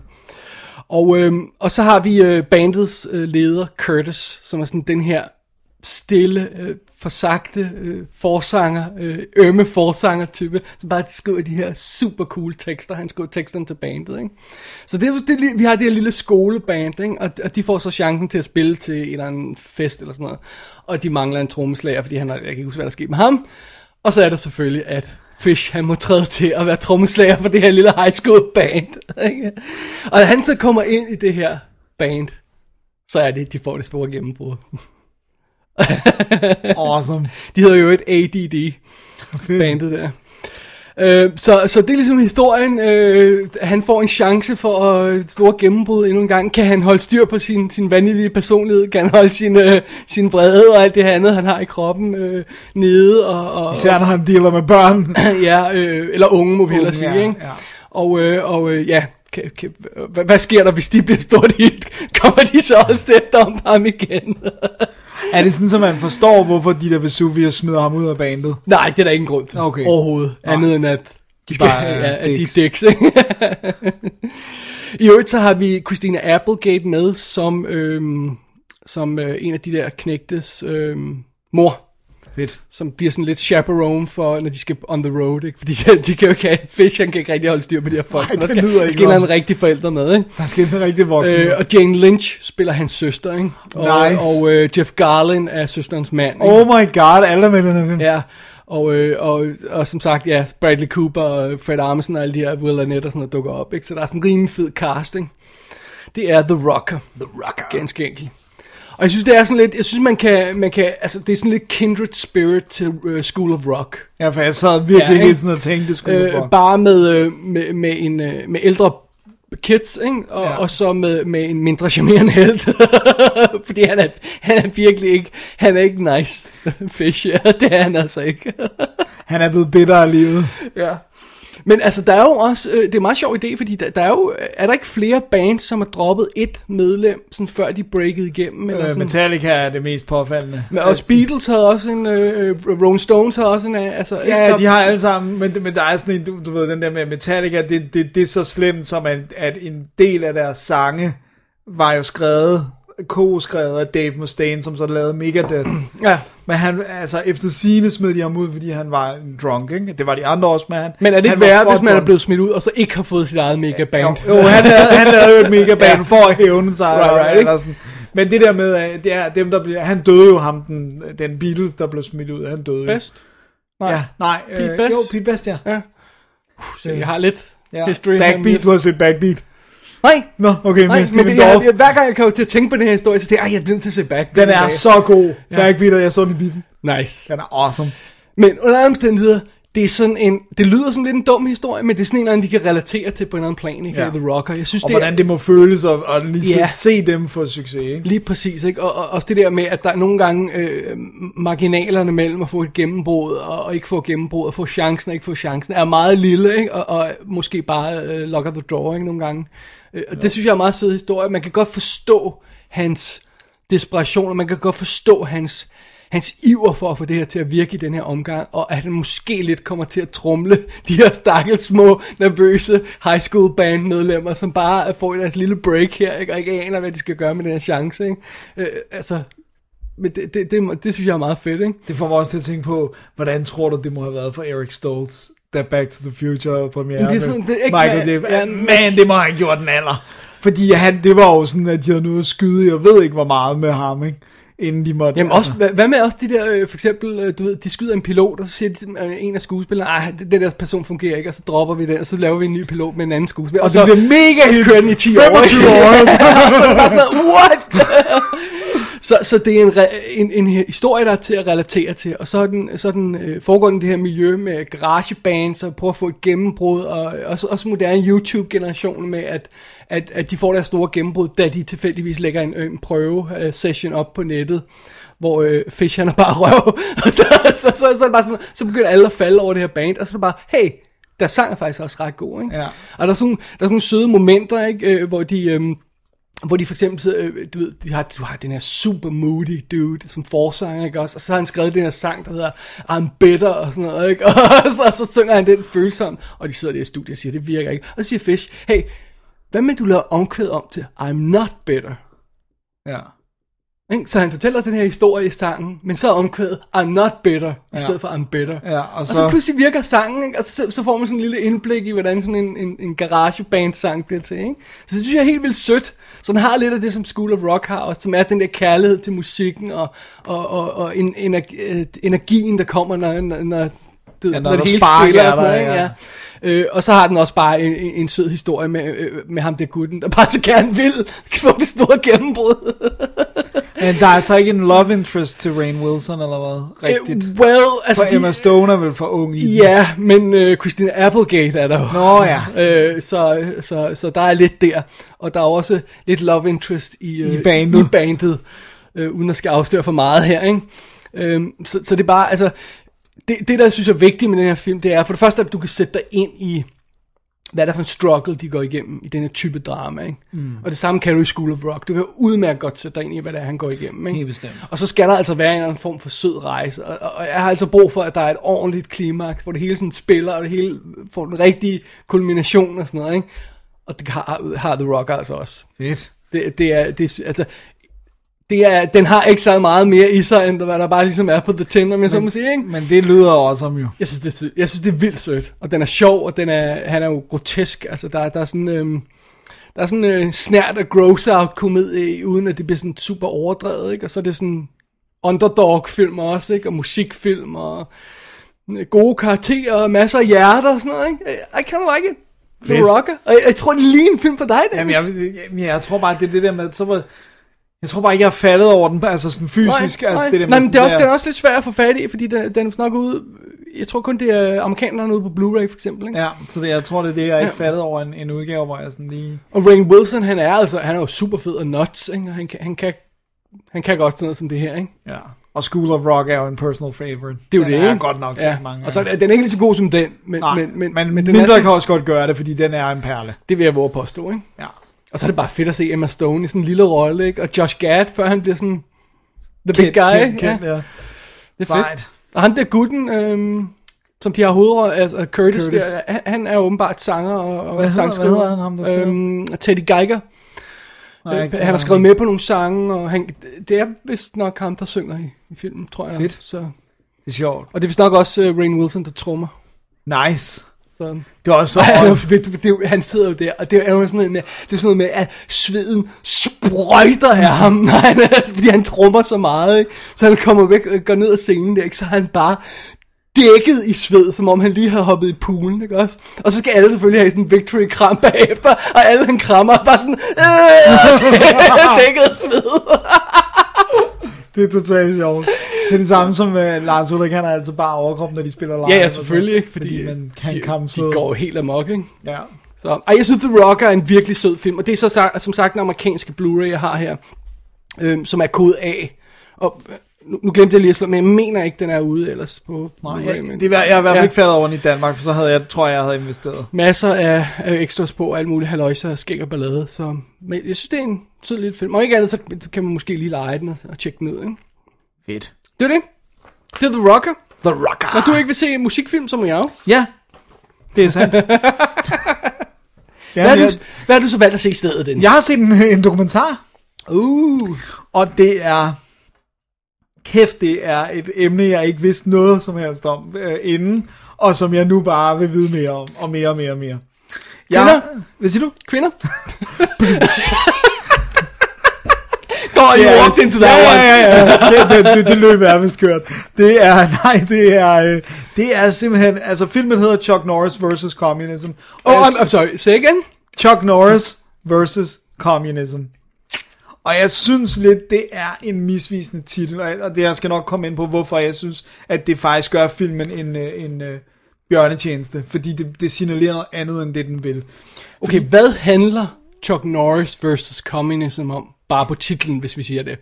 Um, øh, hans, øh, altså han er jo videre, han er højreorienteret, ikke? Ja, præcis. Så det må handle om hans øh, politiske kamp for, for, at få, øh, for at få vendt verden væk fra kommunisme og øh, sådan eventuelt. Eventuelt øh, gennem portrætter i film, hvor han øh, forsøger at, at vise the way og sådan noget. Ja, øh, nej. Nå, Og det værste er, og det skal jeg nok komme ind på, at han fylder ufatteligt lidt i selve filmen. Fordi det, som den handler om, det er øh, den, øh, om en tiden i Rumænien under Ceausescu-regimet, øh, som jo var, han var diktator, og det var sådan en helt old school øh, kommunistisk øh, diktator, øh, hvor at de sad og så alle film igennem og sagde, den her kan ikke vises, den her kan vises, den her kan ikke vises. Altså sådan noget. Og der kommer eksempler på, at de sidder og ser en tegnefilm, en russisk tegnefilm. Og så siger øh, ham der lederen af det der, stop den. Øh, prøv lige at køre det igen. Okay, der er tre ballonger. De har farverne af det rumænske flag. Det kan vi ikke. Den, den kan vi ikke vise. Altså, det er niveauet af, hvad de tror, der går ind i hovedet på folk, der ser ting. Øhm, så det, der sker, det er, at der er en gut, der hedder øh, øh, Theodor Samfir, og han er ikke i familie med panfløjtespilleren. han besluttede sig for at spille panfløjte for en drøm. Sådan. øh, nej, han besluttede sig for at illegalt importere amerikanske actionfilm øh, Oh, på okay. VHS. Alright, so here, here, here, comes the uh, Here comes connection. the thing. Okay, fair enough. Fordi det, som han så gjorde, det var, at, øh, at han importerede dem, og så fik han en kvinde, der hed Irina Nistor, til at doppe alle filmene. Øh, og det, det, øh, det, som de gjorde, Øhm, øh, du sagde en kvinde til at doppe alle filmene. det er øh, Emil fra Lønneberg-style. Hun siger al dialogen, okay, right. og hun, øh, altså sådan, du ved, så det er sådan, det er hende. Og, og det er simpelthen helt old school. Hun sidder med høretelefoner på. Hvad hedder det? Når der er sådan en voiceover, hvor du kan høre det. Jeg tror, at de bare kalder det en fortællerstemme, i stedet for en dub. Altså, Ja, fordi det, det der med, som også de har Emil på Lønneberg, dem, du kan høre regellyden bagpå, og så har du præcis. fortæller stemmen Og det kan man nemlig også her, og det kan man også, fordi måden hun gjorde det på, det er meget lo-fi, det er simpelthen, at hun sidder og hører, hvad de siger, så hun skal jo nå at høre først, han siger, shoot him, og så siger hun, skyd ham. Ja. Altså, så det er sådan, det, derfor bliver det også sådan lidt for skudt, og for eksempel, så kunne hun ikke lide at bande, så hun, øh, hun havde sådan nogle favoritfraser, hun brugte lige meget hvor grimt, der blev snakket i originalen, så var det bare sådan noget, du ved, rend mig i røven, eller sådan. Altså, så lavede hun sådan nogle mindre, men det bliver så meget et fænomen, altså hun dopper, de, de, de har jo ikke et præcist tal, men hun har siddet, nogle gange så dopper hun 15 film på en dag. Hun når at doppe 3000 film. Kan ikke nå at se 15 film på en dag. Ah, okay, så, så i, i, en, i en session, så er det to dage måske, eller, men altså en recording, øh, Ja. hvor hun ikke går, der når hun 15 film eller sådan noget, i den, så 12-15 Wow. film, ikke? Og, øhm, Hun elskede bare actionfilm. men det var ikke kun actionfilm, men det var bare sådan, men det som det så handler om, det er, og det er så fedt, det er, at de har så fat i folk, der er vokset op i den her tid, eller som Mm. har er været i live i den her tid, og så hvor vi hører, og det er virkelig gribende, det der med mange gange, så det de bemærkede i filmene, det var for eksempel overfloden af varer. Altså det der med, man ser en supermarkedsscene, gud, der står ved hylder på alle varerne. De kan få frisk Hylder på alle varerne. Der står varer på alle. Nice. Jeg var lige ved at lade den slide. der, står varer, der står varer på alle hylderne, øh, og øh, der er frisk frugt, grønt og sådan noget. Det er ikke alt, der er ikke på dåse. Og, altså, det er så rørende at høre, hvordan de sådan, de lever igennem de her film. Så de ser heller ikke de der tre terrorister, der bliver meget med Nå, skidgevær. de ser- de ser hylden bagved, hvor der står frisk frugt. det er virkelig, That's sad. ja, men det, er sådan, men det er virkelig sådan, og så det de begynder at gøre, det er jo, at de er jo pisse dyre, de her bånd, fordi der er så meget øh, risiko forbundet med det. Ja. Så det er sådan noget med, så er der måske en person, der køber et bånd, og så laver han visninger i sit hjem, hvor han bare stiller bænke op, og så sidder de der, og det er bare, når man hører, hvad det har betydet, så forstår man, hvor meget magt kunst har. Altså, og nu kunst, øh, du ved, her der er det jo nogle Ja, gange her bare dårligt. kommer ind igen. Nej, altså nogle gange bare dårlige actionfilm. Men bare, også bare det der med, Også det at få et, et, et vindue ud til verden, ikke? Om, Præcis, det hvad der det, med, om det så de gennem ser- musik eller film, eller hvad det er, ikke? de ser ingenting jo ellers. Ja. Og deres tv er jo 100% kontrolleret, og hvad der ellers får premiere og sådan noget. Men når man hører især det der med børn, og det, den måde, det er så fedt, når nogle af dem der, som måske er på vores alder nu, eller lidt ældre, lidt yngre, som bare sidder sådan, jamen jeg husker, da jeg så Missing in Action første gang. Det, og det er det eneste tidspunkt, de snakker om Chuck Norris. Det er, de snakker om Missing in Action, og den der scene, hvor han får en slange snit, smidt ned en sæk, som han får over hovedet, og så har han slået slangen ihjel, da de tager sækken af, og hvor fedt det er. Men det, det, Så, så det kunne have været uh, Sylvester Stallone versus anything. communism. I, I virkeligheden så skulle det jo have været film versus communism, hvis det skulle have, have været noget. Men det der så er fedt ved den, og det er ikke altid det fungerer, men det er, det de gør, det er, at de fortæller selvfølgelig, de har alle de her anekdoter om, Har de rent faktisk klip fra nogle af de her film? Ja, ja, ja. Med hendes dog. med hendes? Det er Åh, fantastisk. nice. Du drømmer ikke om, hvor awesome det er. Og så det, de har gjort, som jeg faktisk synes, det fungerer, det er, at de har... Øhm, reenactments, for eksempel af, hvor politiet afbryder sådan en visning og kommer ind, men det fungerer rigtig godt, og de har for eksempel fundet en, der spiller hende der, Nistor, der ligner hende helt vildt godt, som, så, så man ser, hvordan de sad og dobbede. Så det ikke kun er talking også, Præcis, ikke? og det, jeg synes faktisk, det fungerer helt vildt Jamen, det godt. bliver man også nødt til, når det er sådan noget, synes jeg. Altså, Og, sådan, og, og det der med for eksempel, når de kommer ud efter at have set en film, hvor man ser børnene, der løber rundt i gaderne og leger de der action, hvordan det bare åbner deres verden helt vildt, og, sådan, og så og man hører om, hvordan ham der Samfir, han bestikker folk, og du ser det der, hvor han bare står i sin kælder, og så har der bare 100 videobånd, eller videomaskiner, der står og laver kopier, ikke? og det der med, hvor de taler om, at nogle gange, så kunne man ikke engang se noget på billedet, fordi det var kopier og kopier og kopier, ja. så du kunne bare høre hende der Irina, og så begynder de at snakke om det der, det er så sjovt, at hvis det ikke var hende Irina, der, der, der havde dobbet en film, så var det wrong. Det var en wrong film. This is not original. This is not Irina.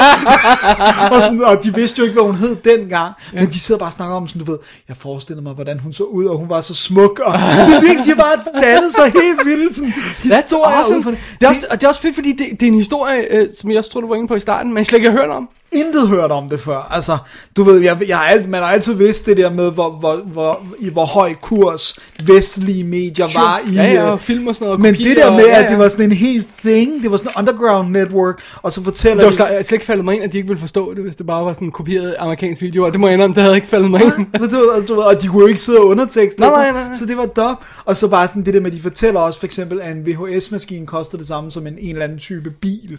Right. Altså så det der med, at du kunne ikke bare købe en VHS, så netop måden man kunne gøre det på, var at man tjente penge på at vise filmene, og derfor havde man råd til VHS og tv og sådan. Man, det er fascinerende stof. Det er Chuck Norris vs. Communism er en langt bedre film, end dens titel øh, lover. Det Og- de lyder fed. Ja. Altså, don't go get me men, wrong. men, det, men det er bare noget andet, ikke? Ja, og så, det er lidt misvisende, men jeg kan selvfølgelig godt se, der skulle selvfølgelig også have, være en eller anden form for blikfang, ikke? Men det er også bare, i dag, er, jeg ved godt, at vi har Chuck Norris jokes og alt det der, men er han virkelig den 80'er actionstjerne, som har højst sådan, sådan du ved, genkendelighed?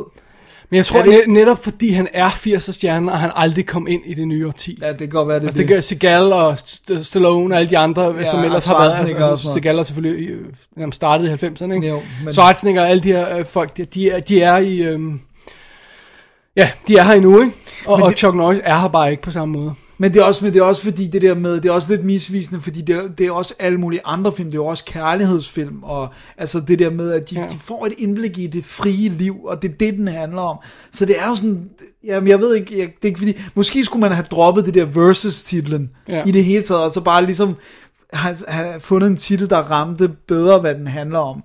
For jeg synes virkelig, altså jeg blev meget rørt flere gange over netop at sætte, altså at prøve at sætte sig ind i, ikke at have fri bevægelighed af kunst og information, og jeg synes virkelig, det var virkelig godt. Og så er de smart, at de gemmer hende der, Irina, til nærmest til sidst. Altså, man hører hendes stemme, men man så bare, ej, man håber, man får lov til at se hende. Og det altså, gør man så. Og det gør man så i Nice. Talking Head og sådan noget. Det er fantastisk. Øh, Så jeg kan virkelig varmt anbefale øh, Chuck Norris vs. Communism, som i uh, talende stund er tilgængelig på, på Netflix. Simpelthen. Øh, Danmark i hvert fald. Øh, jeg skal ikke kunne sige med, med udlandet. Men det, det er så godt, så jeg vil faktisk gerne have en, øh, en uh, Blu-ray af den. Når den kommer Når ja. den kommer, og så... Ved du, om det er en af dem, som Netflix har, Netflix har købt? Stod der deres navn på? Nej, nej, det gjorde der ikke. Det Nej. gjorde der ikke. Øh, okay. så, så det var vist det bare sådan en regulær øh, dokumentar. Så øh, mega fedt. Mega, mega, mega godt. Chuck Ja. Norris versus communism. Right on. Right on. Jamen, jeg tror roligt, vi kan sige, at vi skifter gear. Det, jeg Fordi tror, at, øh, kan man skifte mere gear, end Det er ikke, ikke alle film, der kan redde liv og åbne op for en større verden. Nogle, nogle kan også gøre det modsatte. Så nu skal vi snakke om dansk film. bedste overgang ever. well, there you go. Jeg, Dennis. ja. øhm, ej, jeg må hellere tage den fra start. For nylig, der så jeg den danske film Hundeliv. Som er en ungdomsfilm. Right, som jeg anmeldt i kassen, så der kan man høre anmeldelsen der. Og så var det jo, at jeg tænkte, den var super fed. Og så var jeg tænkt, nu, jeg, Nu jeg, går det godt. Jeg er blevet på tanden, jeg ser endnu en dansk film. Og øh, du havde nævnt den her på et tidspunkt, og øh, vi har snakket om, at du, du vist havde set den i sidens morgen, eller havde du overvejet at se den? Eller? Nej, jeg tror, jeg overvejer at se. Alright. Jeg tror, det er Alan Loft, der har set den. Okay, så jeg tog til med fat i overkanten. Allerede titlen er jo right. dårlig. Fra 2012, instrueret af Laurits Munk Petersen, som også lavede Ambulancen, for eksempel. Nå ja. Right. Øhm, så det er jo simpelthen, hvis vi tager historien hurtigt, så skal vi snakke om, hvem der er med. Det handler simpelthen om øh, de to øh, nyforelskede, nyforlovede øh, David Ja. og Freja, som er øh, flyttet ind i et øh, fantastisk, øh, idyllisk lille bondehus på Møn. Og, øh, og, øh, og kort tid efter, så ser de, at der, der er sådan en mand, der, der falder ud over en klippe og, og dør. Og det ligner selvmord og sådan noget, og, og, og bla bla bla. Så det, det har vi så i baghovedet der. Og så er det, de finder ud af, at deres hus i virkeligheden er bundrådent og ved at falde sammen, så de har brug for en, simpelthen en håndværker til at komme og redde dem. Og så er det, at Roar, han melder sig på banen. Og, øh, og han, øh, det, det vil han lave en god deal på det her hus, og det virker altså meget fint, men øh, så, så, så, så begynder han at komme lidt for tæt på familien der, ikke? Ah, Om, kan han få lov til at bo i udehuset, mens han reparerer deres hus og sådan noget, og øh, David, David bliver nervøs for, at han, han kigger lidt for meget til kæresten der og sådan noget, og alt det her løjser. Og så finder de ud af, at han havde en forbindelse til det der mor, fordi at i tidens morgen, så arbejder han for det par, hvor ham fyren, han, skal, øh, han røg ud over klippen, hvordan ja. Det så end skete, ikke? Ja. Har Har han haft noget- Straw Dogs, man? Har han, for, øh, øh, har han haft noget med det at gøre, eller ikke? Ja, det er jo så det, der er spørgsmålet. Og, og, og, og øh, efterhånden som øh, øh, Davids paranoia tager til, så, øh, så, så, så øh, skubber ham der roer sig mere og mere ind i deres liv, og, og, og det er altså meget forfærdeligt. Det lyder du virkelig, som om du mente. Ja, well, det er altså meget forfærdeligt. Alright, så vi har øh, Jonathan Spang som, øh, som David Hjort. Og det er jo ham, vi kender fra alle for 1 og 2 og 3. Ej, de unge år er hans gode claim to fame. Ikke? Det er en god film. If, if you say so. Ja. Og stand-up, vel? Christiane Scha- Scha- hvad hedder hun? Scha- Schamburg. Müller Møller. Ja, jeg tror, det er. fra 2900 Happiness. Og Vild med dans. If you say so, og den skaldede frisør, og bla bla bla. Hun spiller Freja, som er vildt sød. Alexandra Villon, Villon spiller Ror, Og det er jo så ham, der er med i Hundeliv, og det var sådan lidt derfor, jeg faldt over den Okay, her. så der var ja, andre... Øh, og så har han været med i Rita og Detektiverne og sådan noget. Og så har vi øh, øh, Danica Kurs, Kursik, er det sådan, man siger det? Ja, Kutchik. Kursik, ja. Som, øh, hun er kæresten til ham, der røg ud over klippen. Ja, okay, som, så hun er den tid... tid Right, som, ja. ja. som David så kommer i kontakt med på et tidspunkt, fordi han, øhm, han begynder vil at undersøge sagen er nærmere. Ikke? Ja, lige præcis. Og det er jo hende, der har været med i Lev Stærkt, instrueret af Oscar Christian nomineret E. Christian. Christiansen. Ja, som vi kender godt. Og som jo er lidt er ved at blive sådan et, et hot navn og har lavet en masse Christian. Christiansen, ja, han er nej, nej, super er hot. Danica? Kurcik. Nå, okay. Ja, også inden, ja. ja. Øh, jeg har altså, jeg har Lev Stærkt stående på, på Blu-ray. Har du det? Ja, jeg har den stående. Jeg, jeg har simpelthen ikke fået den set endnu. Har du den stående? Jeg har den stående, Skal vi have set den sammen? Uha! Christian! Og så har vi sådan nogle folk som øh, Troels Lyby med, og øh, øh, øh, Anne-Louise Hassing, og sådan noget, alle mulige andre folk, vi kender, ikke? ja. Og så er det Peter Peter, der har lavet musikken. Men han har også lavet til ambulancen. Det er så meget, kan jeg huske i Ja. hvert fald. så det er det. Altså, øh, udgangspunktet for den her øh, film er jo rimelig velkendt, synes jeg nok, jeg vil våge at påstå, ikke? Udover at vi har den sådan øh, på papiret sådan meget øh, ikoniske, klassiske historie med, at øh, vi har et par, og så kommer der en, en, en hot fyr ind i deres liv, ikke? Ja, en og, trone, en faktor udefra. Right, øh, så, så har vi også lidt det der med, han er jo øh, øh, han er computerprogrammør, øh, David der, så han, han laver sådan en computerspil ganske enkelt i øjeblikket. Øh, så han er nørden, Ja, og han er ikke physical på den og fyren, der kommer ind er The Stud, ikke også? Så vi har ja, den ja. klassiske nørden mod The Stud, ikke? Straw Dogs once again. Oven i det, så har vi også den klassiske byboer mod landboer, ikke? fordi de havner i det her miljø, de ikke rigtig kender, og øh, folk slader omkring dem og sådan noget, ikke? Og, og de ved ingenting, for de er fra byen, ikke? Right. Så det, ja, du har sagt straw dogs et par gange, ikke? Øh, Man kunne også sige sådan noget som, som øh, øh, stepfather, The Hand That Rocks the Cradle, det her med, der kommer en person ind i deres liv, som virker åh så sød, Ja. åh, kunne de gemme på nogle hemmeligheder, hvad må der sker, ikke? Et, et, det er rimelig, rimelig velkendt historieterritorie, det her, som over kanten bevæger sig ind i, ikke? Jo. Ja, øh, og den her historie, type historie, deviater sjældent fra sådan en relativt fastlagt øh, form, ikke også? Altså, det, det er sådan relativt... Vi Ja, vi sådan- ved godt, hvor den skal hen. Right, ikke? Før, først, først skal vi, er der den øh, nagende tvivl der, så begynder han at blive mere mistroisk, så begynder han at øh, finde beviser, så bliver han overbevist om, at han tager fejl, og så nej, så, så tager han ikke fejl alligevel, og bla bla bla, ikke? Og, og, og, og øh, det, det, det, altså, uh, det er svært at gøre noget med det format, vi ikke har set før, ikke også? Og, og det er det. Du skal, så skal du i hvert fald ryste posen lidt mere, bare for udgangspunktet. Det er Right. simpelthen for formularisk, det Ja. der, ikke? Hvis du holder dig til formularen, så skal du i mindste gøre dig selv den tjeneste, at du kan få det til at holde. Så når han på et tidspunkt spørger sin kæreste, om hun er, hun er blevet forelsket i håndværkeren, så må der altså gerne have været en eller anden form for tegn på det på et tidspunkt. Fordi det har der overhovedet ikke været på noget den her tidspunkt i den her film. Når, når han, den stakkels øh, computernørd spørger sin super hotte kæreste naturligvis, om, om hun er til ham, håndværkeren der. Så er det bare sådan noget, hvad i alverden snakker du om, spørger hun så. Fordi det har der intet tegn været på Oh my god. overhovedet. For det andet, så synes jeg altså også, at vi er kommet videre i livet efterhånden med at fortælle en historie, hvor, øh, lad os bare sige, som folk som os, nørder, ikke har fortjent en smukke pige. Ja, ja, ja. Fordi nørder rules the world, hvis folk ikke har opdaget det på nuværende tidspunkt, okay? Jeg, jeg vil sige, jeg, jeg har aldrig haft en grim kæreste. Nej, det kan jeg, det kan jeg, det kan jeg godt øh, stå inden for, Dennis. Øh, og, og, og, og jeg synes altså, at vi er kommet videre i livet på det tidspunkt. Så det der med, at han skal have mindre værtskomplekser, Præcis over at have den flotte pige ja, og sådan noget. det synes, det synes jeg ikke er en, en særlig brugbar historie, fordi den har vi fået fortalt mange gange, ikke også? Det er bare heller ikke interessant. Nej, Altså, det, det, det nemlig- er ikke interessant Nej. at sige, fordi at man er nørdet, kan man ikke være interessant Nej. for... Altså, det er bare... It doesn't make any sense. Nej.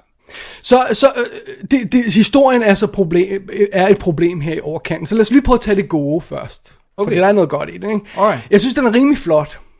Af en eller anden grund, så vælger de at skyde hele filmen med håndholdt kamera stadig. Og det er fuldstændig fucking tåbelig, fordi det er faktisk nogle ret flotte billeder, de er en ret flot location. Ja, hvis de har været på Møn, Øh, de er på Møn, og, og der er farver i billederne, det må vi jo sjældent se i dansk film, ikke? Øh, og og det, det ser faktisk ret godt ud, så, så det er lidt synd, at alt skal filmes håndholdt. Fordi at det gør man jo, når man laver dansk film, fordi så må det være ægte, ikke? I don't know why. Øh, og så er der også fidusen anden med, med, med de to, øh, to af hovedrollerne, altså øh, øh, Christiane Scharnburg mm. og øh, Alexandra Villum. De er gode nok. Hun ja. er helt vildt cute. Altså hun er virkelig cute. Sådan rigtig cute. Sådan troværdig. Mm. Som en sød pige, ganske enkelt. Ikke som sådan en skuespillerinde, der spiller, at nu er jeg en lille sød pige. Ikke? Hun virker rigtig, rigtig cute. Og han, altså øh, håndværkeren der, virker også sådan fuldstændig reelt gut, indtil han selvfølgelig, skal, vi skal begynde at tro noget om ham. Ikke? Ja. Men han spiller rollen fint. Ja. Jonathan Spang kan altså ikke følge med. Alright. Det kan han bare ikke. Altså, fordi han kan ikke lave skiftet fra den venlige nørd. Så han hænger fast i det i hele filmen. Og på den tidspunkt, så bliver han nødt til at, at, at switche og blive enten øh, helt vildt jaloux og, og, og aggressiv, eller øh, øh, Beskytteren. beskytteren, eller, øh, eller øh, øh, øh, altså, han bliver nødt til at være sådan lidt detektiv, når han skal finde ud af, hvad det er. Han har den der samme flade, øh, øh, jeg er lige trådt ud af, øh, af mit computerrum, øh, look hele tiden, ikke? Og det holder altså bare ikke. Det holder ikke hele vejen. Det holder i starten, men det holder ikke hele vejen igennem. Okay. Så han er det svage led, ikke? Men ellers er der altså okay, altså det ser okay ud, skuespillerne er okay ellers, ikke? Men det er en vanvittig velkendt historie, ikke? Og så, altså, så begynder der også at, du ved, compounde af problemer med de her kameler, man skal sluge undervejs, ikke? Også det her med, at de har købt et hus, der virker som det mest perfekte hus i verden. Og så er det rundt. Og så første gang det beregner, ikke, så er det bare sådan, det fosser ind i sådan lovtykke stråler. Det er bare sådan, really? Hvor meget tjekket det der hus, ikke? Altså, det er sådan nærmest ved at falde sammen sådan en våd papkasse, ikke? Altså, det er, altså, nej. Nej, det holder altså ikke. Nej, for man ved også godt, der bliver jo lavet rap- Ja. rapporter på huset. Lige præcis. Og det, det er også det, det der er problem, for det er et cartoon-problem. Ja. Det er et falsk problem. Det har jo heller ikke behøvet at være så omfattende. Hvorfor er det ikke bare et eller andet med, at det er en mindre ting i huset, der går i stykker, der skal repareres? Altså, Eller hvorfor er det ikke et projekt, hvor de siger, hvor, hvor gutten han siger, jeg, jeg skal, jeg, jeg skal, få, jeg skal nok Fix it up, eller fix it up, og så kan han ikke gøre det. Og så Ja. bliver du nødt til at hive en hånd, hyre en håndværker, så har du allerede fået, øh, hvad hedder han, fået hugget ham et hak ned, ikke, om jeg så må sige, ja. Og fået gjort ham lidt sådan, at han ikke er en rigtig mand, fordi han kunne ikke gøre det, han lovede. Mm. Så brug det dog i historien, i stedet Ja. for at finde på den her, åh, det er det perfekte hus, ah, pff, pff, pludselig falder det sammen, ikke? Altså, det, er det dumt? det er lidt klodset, ikke? Så er der også nogle andre mystiske påfund i historien. Den har sådan lidt ekstra lag, og jeg ved ikke rigtig, hvor meget jeg skal komme ind på, fordi at, at, øhm, at det er sådan lidt en spoiler, øh, øh, når vi finder ud af, hvad det er, det ekstra lag handler om og sådan noget, ikke? Okay. Øh, men øh, øh, Jonathan Spang er jo så øh, computerspildesigner i den, og han, er, han er i gang med at designe det her spil, der hedder Real Dreams, som sådan en live-simuleringsspil. Og det, det bruger de jo så til, at han sådan sidder på kontoret i spillet, og så laver sådan nogle sekvenser, hvor konen og håndværkeren kigger på hinanden, og så er det sådan rigtige optagelser, der er sådan lavet, som om de er sådan lidt tegnede med, med skud. Så Når man- de sådan rotoscopet Ja, sådan exakt. Og så tænker man, hvor, hvor, hvor kommer det materiale fra? Hvem har siddet og designet det? Ikke? Det giver rigtig nogen mening. Så det er sådan et, vi skal sådan købe illusionen at han har det her øh, computersimuleringsspil, som virker som om det er bare optagelser af folk, der er lagt ind, og så... Og jeg ved ikke rigtig, hvad det gør. Altså, det, Det er en, der aldrig har spillet videospil, der har det der sammen, lyder det. Ja, øh, øh, og, og, og, så, og, og, og fidusen er jo også den high-tech historie med, at han sidder og laver de der computerspil om alt det her. Den kører jo ikke særlig godt sammen med det der jordbundne trekantsdrama i et bondehus på Møn, vel? Nej, nej, nej. Det er sådan, de der to er, er fuldstændig forskellige verdener. Men, men ved du hvorfor? Hvis de havde gjort ham til forfatter, så havde der været en grund mere til at sige Straw Dogs. Well, there you go, ikke? Øh, plus, så begynder Jonathan Spang at have de her øhm, visions, hvor han, hvor han ser ting, der ikke eksisterer, og så vågner han op og falder ud af det, ikke? Og sådan som filmen gør det på, det er, at den viser os en scene, hvor der sker noget vildt, og så klipper den til, at vi ser ham. Åh, oh, nej, det, det skete ikke i virkeligheden. Åh, oh, det er 13. Og det bliver så hurtigt irriterende. Ja, men det er jo bare irriterende at få det beskrevet. Og det er fuldstændig umotiveret, at ham her gutten skulle være, at det virker som er det sådan hallucinationer? Ja, det er det, der skal forestille at være, ikke? Øh, øh, øh, fueled af hans skyldfølelser, hans øh, jalousi og alt det her løjse, ikke? Øh, og det er så dårligt et fortællertræk, ikke? Og det bliver så irriterende. Plus, hver gang du ser den outrageous, så siger du, åh, oh, det er jo nok en drøm. Ikke? Præcis, det er det, det er jo det, man gør Og, øjeblikkeligt. which it is, ikke? Øh, øh, og, og der, er så, der er så mange klodsede ting i den. Det er med, han hører dem have sex, ikke? Han hører håndværkerne og sin kæreste have sex, ikke? Og så går han ud og finder dem, og så er det et videobånd, der står og kører. Ej, for... Så er ovenkøbet uh, Trine Dyrholm i de, de, uh, de største helte, der, der, der er i gang med at få den. så er det bare sådan, at man tænker, oh, come on, kan du ikke høre forskel på din kæreste, og så et, et videobånd, der står og kører med, ej, med Trine er Dyrholm, come on. Ikke?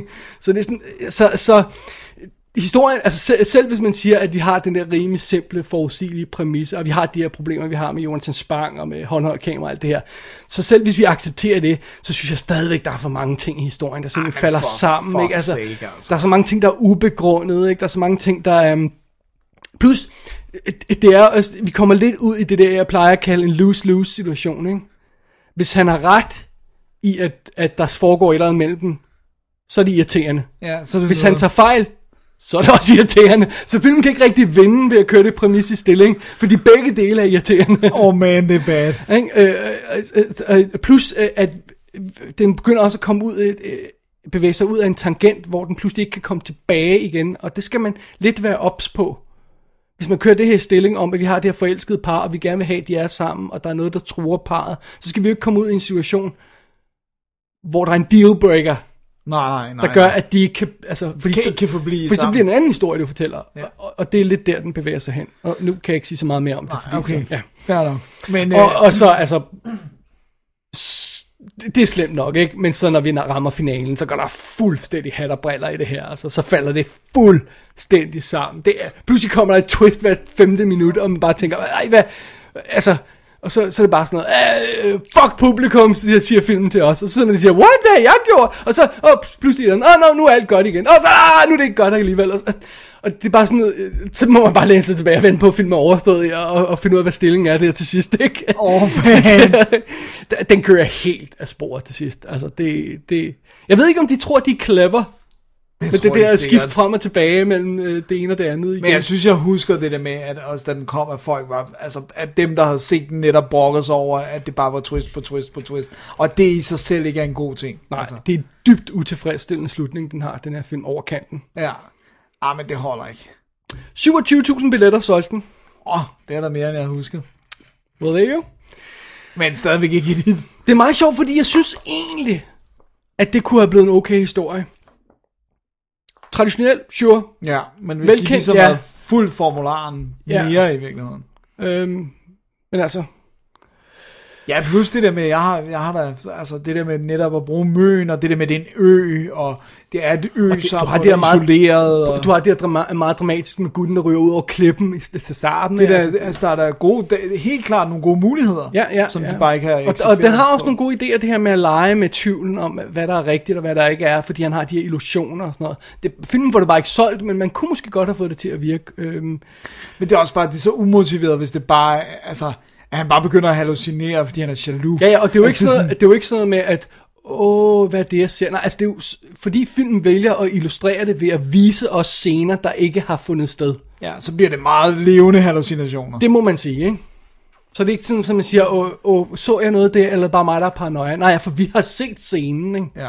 hvor kæresten pludselig øh, ligger og humper med, med håndværkeren, ikke? Åh, og så var det der ikke alligevel. Ah. Tænk, at jeg smed alle pigerne i den her film tøjet, så det var Er det rigtigt? Ja. Men der er kun én, ikke? Nej, der er to. ja. Det er så i orden. Men, øh, Anne-Louise Hassen gør ikke, vil jeg. Okay, tak. Øh, men altså, egentlig et eller andet sted, så synes jeg, det er meget sympatisk øh, øh, film øh, som udgangspunkt, og jeg vil egentlig gerne have kunne lide den. Jeg gav den faktisk chancen. Jeg var humør til at se en dansk film. Jeg synes, den er okay flot. Og jeg, den, den, den fik også lov til at tage et par fejltrin undervejs. Det håndholdt kamera, bla bla bla. Sådan noget. Men, men den misbruger altså min, øh, min, min tillid. Det gør den altså. Den ender i, i, i, i hat og briller. Det gør okay. Den. Det er, ja, men jeg synes også, det lød som om, du gav den en færre chance. Det gjorde jeg. Der var jeg, bare prøv, ikke- jeg, det gik, jeg gik så langsomt til at prøve at skaffe Blu-ray'en, før jeg satte mig ned og så den. Øh, men desværre så er den udgået nu, og det er jo problemet med mange af de her danske film, som vi også fandt ud af, da vi snakkede om det i, i, i sidste sidste special, der, ikke? at mange af dem udgår simpelthen, så man skal ud og finde den brugt, eller finde den på en rodekasse sted, ikke? Det er lidt synd, fordi der er en fin Blu-ray ude, og så jeg endte med, endte med at lege den på iTunes øh, til de her, hvad, 39 kroner og sådan noget, hvor meget det nu er, ikke? Det Stadig står HD. super flot i HD. Fedt. Så det jo også det, der gør, at man siger, "Nå, så det mindste- laver det mindst en Blu-ray. Ja. Det gjorde de så også med en i 10 eksemplar. Well, there you go. Det var over kanten, Dennis. Over kanten? Nu tager vi lige en pause fra de danske film, tror jeg. Jeg ved ikke, hvad det næste danske, vi skal se er. Nej, det er måske lever stærkt.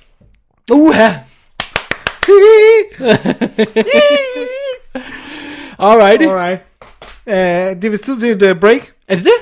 Det tror jeg nok. Jamen, vi tager et break der. Lad os gøre det. I'll bet you if you put a laser micrometer on this thing, you'd find that it was a perfect sphere.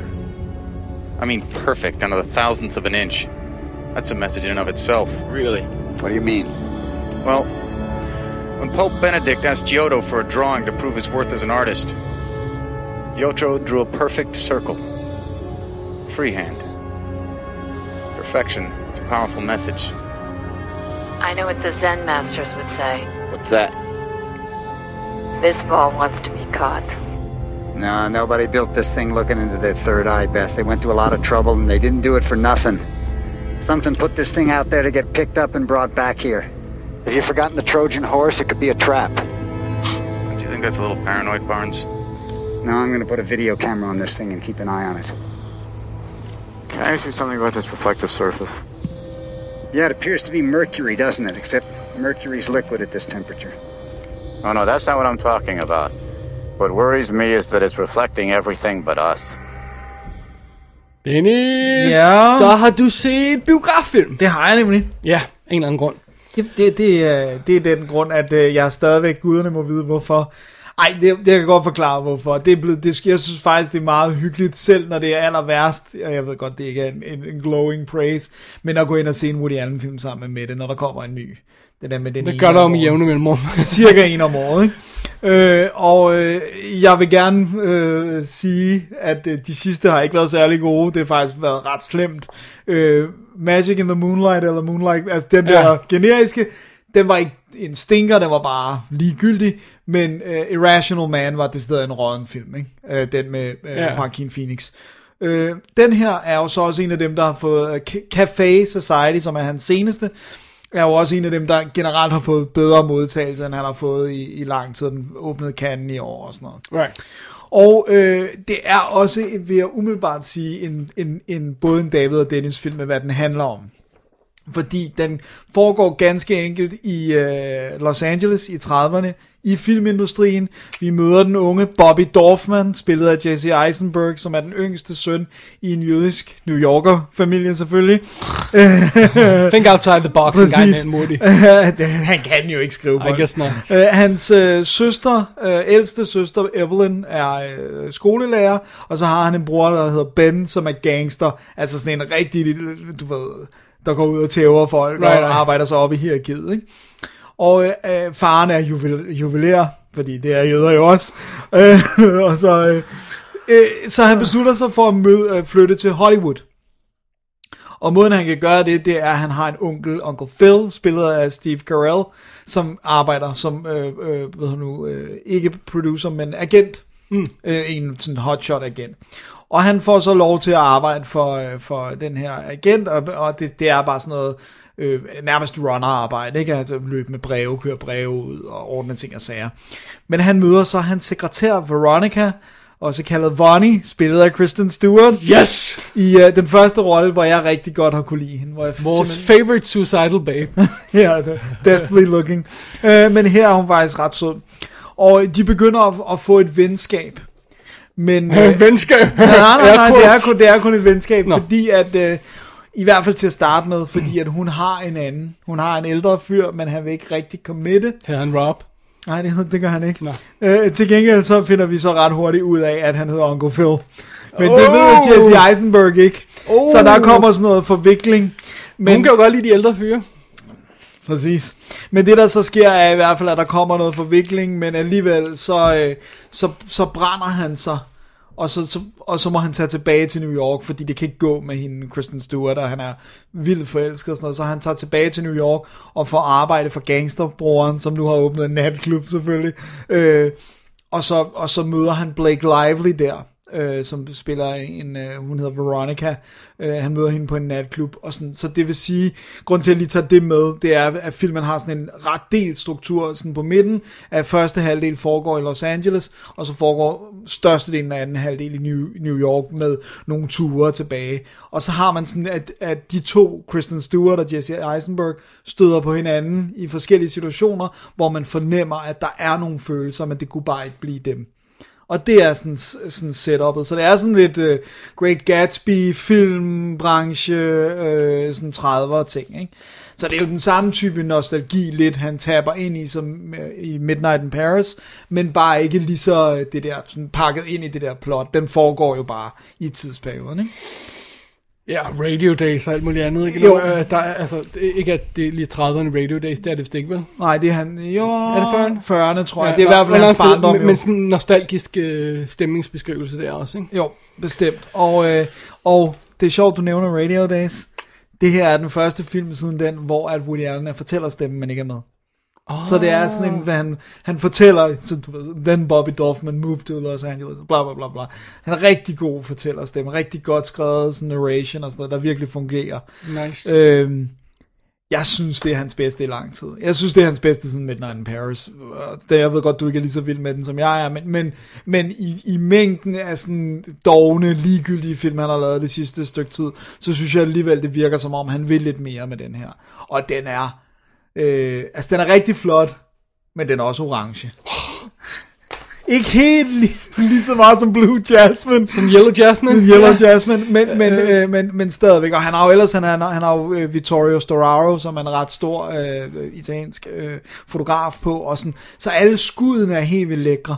Altså, den er, virkelig flotte crane shots og dolly ture. Den har virkelig sådan et old school Hollywood feel. Bortset fra den er orange. Og, og det, altså, det er så slemt, så det er sådan Mette, hun kom med sådan en god, god øh, pointe. Altså det der med, at alle jakkesættene så ens ud. Altså den var color graded hen til, at man ikke kunne se forskel, selvom man godt kunne fornemme, at de har ikke helt den samme farve, så så de alle sammen ens ud. Okay. Det er altså ikke en smart øh, måde at gøre. Det virker lidt spøjst. Det er også øh, hans første, som hvis nok er skudt digitalt også. Ikke bare er color graded digitalt Ja. og master og sådan noget. Den er skudt digitalt. Men det har selvfølgelig også gjort, at de har kunne øh, lave nogle fede moves, og, eller ikke, at de ikke kunne før. Men han, jeg synes, det der er interessant med ham, det er, at han først her på sine gamle dage virkelig er begyndt at tænke visuelt. Altså Manhattan har jo nogle fede skud, men det er lige så meget, fordi den er sort-hvid, og det er, ny, altså, det er New York og Manhattan og sådan noget. Men nu er her med de her senere film, er han rent faktisk jeg ved ikke, om det er bare fotograferne, øh, eller om han altså, er begyndt at tænke lidt mere i, i det visuelle. Men jeg synes, det fungerer rigtig godt, og jeg synes, det alle spillere, altså, du ved, igen er det jo sådan, altså, Parker Posey dukker jo også op, og Jeg synes, at øh, Kristen Stewart og Jesse Eisenberg er vildt cute sammen. De, det har været deres tredje eller fjerde ja, film. sådan tredje, ikke? Adventureland, den her, og hvad den... Øh, hvad hedder American Ultra, og Ja. er der ikke en til? Og det kan godt være, der er en til. Men de er også søde sammen her, ja. Ja. og det fungerer rigtig godt, og det er en rigtig fed, øh, bittersød øh, kærlighedshistorie, der er mellem dem, hvor det bare lidt er sådan ships passing in the night øh, med jævne mellemrum. Men der er nogle virkelig flotte scener, hvor de står i Central Park, mens solen går op og står og snakker og sådan noget. Og fedt tøj, fordi det er sådan noget 30, så alle suitsene er dapper, og, og så er det altså, det er ikke mange øh, Woody Allen film, jeg har set, hvor nogen bliver skudt i hovedet, mens de har et håndklæde over hovedet, og du bare ser blodet sådan farve et håndklæde rødt og sådan noget. Den er to, de der gangsterscener er helt vildt fede. Så det er sådan, jeg synes han er sådan blevet lidt sulten på sine gamle dage igen, eller jeg ved ikke om det er random, at, og den næste bare bliver crap igen. Den øh. næste er vel teknisk set hans tv-serie? Jo, det er rigtigt. Men, men der er også øh, en øh, scheduled igen. Of course there is. Ja, Men, men, øh, men jeg mener, den næste, det ved jeg ikke. Har du set? Er den kommet på Netflix? Hans Øh, nej, nej, nej, fordi det er jo en Amazon-produktion. Det er Amazon, undskyld, ja, sorry. Ja, øh, så jeg ved ikke lige, hvordan man skal få lov til at se den, før den eventuelt udkommer. Men, øh, men, men, men i hvert fald, jeg synes, det, det er også det, det er en relativt dyr Woody Allen film. Den har kostet 30 millioner dollars. Han plejer godt at kunne holde den på, ja, men han plejer nemlig at kunne holde den på 20. Men det har så også gjort, at den har kun taget 25,2 worldwide. Så det er igen en af de der, der ikke helt får ham op i, i The Black. Men det var sjovt, fordi, øh, øh, hvad hedder han, øh, Warren Beatty har jo lige lavet den der, øh, Titlen escaper mig lige i øjeblikket. Nå, han, ja. han har også lige lavet en ny film, som også har det der øh, øh, period piece, øh, filmbranche, ja, haløjse, haløjse og sådan noget. Så jeg, jeg, jeg tror ikke, at den her film får lov til at blande sig i Oscar-snak eller sådan noget, fordi der tror jeg, at, at det bliver sådan en som Woody Allen, der, øh, undskyld, som Warren Beatty-film, der tager al opmærksomhed, ikke? Og så, øh, de kan jo ikke lide at nominere Woody Allen, fordi de ved, at han er ligeglad, så at sige. Altså det der med, at han ikke... Jeg har jo nomineret ham nok gange. Ja, ja, øh, så, det er rigtigt, men det der med, at han ikke gider komme og modtage dem. Og, Ja, jeg tror ikke, det gør så meget mere. Altså, det har de sådan vendet sig til, øh, at, at det er stadigvæk et, et godt label at have, have Woody Allen nomineret, ikke? hvis man kan gøre det, stå inden for det. Ikke? Jeg, Ja. jeg tror ikke, den får lov til at blande sig. Og så en sjov detalje, det er, at øh, Steve Carell er virkelig god i den. Er helt vildt afdæmpet. Slet ikke comedy acting. Øh, det ved vi jo godt, han kan for andre ting og sådan Og han noget. har lavet mange af dem efterhånden, Ja. når han ikke er comedy. ret sjovt, at øh, Bruce Willis havde, var cast i den rolle. Og jeg har hørt to øh, varianter af den. Den ene var, at han blev fyret, fordi han var så besværlig. Simpelthen, altså det der med, at de var begyndt at skyde. Øh, og, og den synes jeg virker mest troværdig, for den anden er sådan, øh, det var scheduling conflicts med hans øh, Broadway adaptation øh, af øh, Misery, men så vil man jo ikke begynde at skyde. Så skulle der være delays på filmen, men, men så vil du ikke starte... Altså, så- Nej, ja, det, det der giver noget at skyde med ham, og så... Øh, Nu ved vi jo, øh, hvad for et rygte han efterhånden har fået Bruce Willis, så det lyder ja. meget sandsynligt, at han er blevet fyret. Jeg kunne godt forestille mig, at Woody Allen, han var bare sådan, han bare ville være sådan, fuck this bullshit, get off my Ja. film, ikke? Fordi han er Woody Allen. Ja. Så, øhm, og, men det, det, der så var så sjovt, det var, at jeg kunne slet ikke se ham i den rolle. Altså fordi Steve Carell er, er yngre, og derfor virker det mindre creepy, at han har den der, altså, jeg tror, man vil sidde og tænke sådan, Bruce Willis var sådan lidt, lidt for gammel, jeg ved ikke, om han... Og han, han fremstår er... rimelig ung, altså, eller ung-ish, ikke? Ja. Øh, alt andet lige. Selvom han ser træt ud i nogle af de her direct-to-video, jeg har set med ham. Det forstår jeg sgu godt. Men øh, i alt i alt, øh, synes jeg klart, at det var en fornøjelig film at se. Okay, Café Society. Café Society. Hvorfor hedder den det? Fordi det er, øh, det er det, man kaldte øh, den der øh, tidsperiode øh, i øh, de der natklub-ting. Okay. Og festerne og sådan noget. Ja, det, det er sådan... De, sådan, de nævner det aldrig i filmen, men det er vist et eller andet med, at den tid blev kaldt Café Society. Alright. Alright. Fair enough. Fair enough. Biograffilm til The Dennis. Ja. Ja. Jeg har øh, taget fat i en film, som formodentlig også kommer biografen, men hvad jeg kunne forstå på det hele, så, øh, så øh, har den ikke haft biografpremiere i USA endnu. Wow. Øhm, Så det er sådan, vi det var sat til øh, 9. december i biffen i USA, sidst jeg tjekkede. Øh, men den er altså kommet i England. Ah. Så øh, hvorfor den er det, det skal jeg ikke gøre mig klog på. Under alle omstændigheder, jeg har fat i Abattoir. Uh. Fra 2016, instrueret af Darren Lynn Bousman. Baus. Boosman, Bousman. Boosman, tror jeg, som Ja. har lavet en masse såre ting. Som har lavet Saw 2, Saw 3 og Saw 4. Sådan. Og så har han lavet Repo the Genetic Opera. Uh. Mother's Day med Rebecca De Morney. Tror jeg, jeg har 2010. Og så har han lavet det, der hedder 11, 11, 11. Wow. Så det. Så, det. Så, så i virkeligheden har hans største succes har indtil været videre været ind og træde, træde ind i et etableret franchise. Ja, med, med, med 2, 3 og 4 af Saw-filmen der.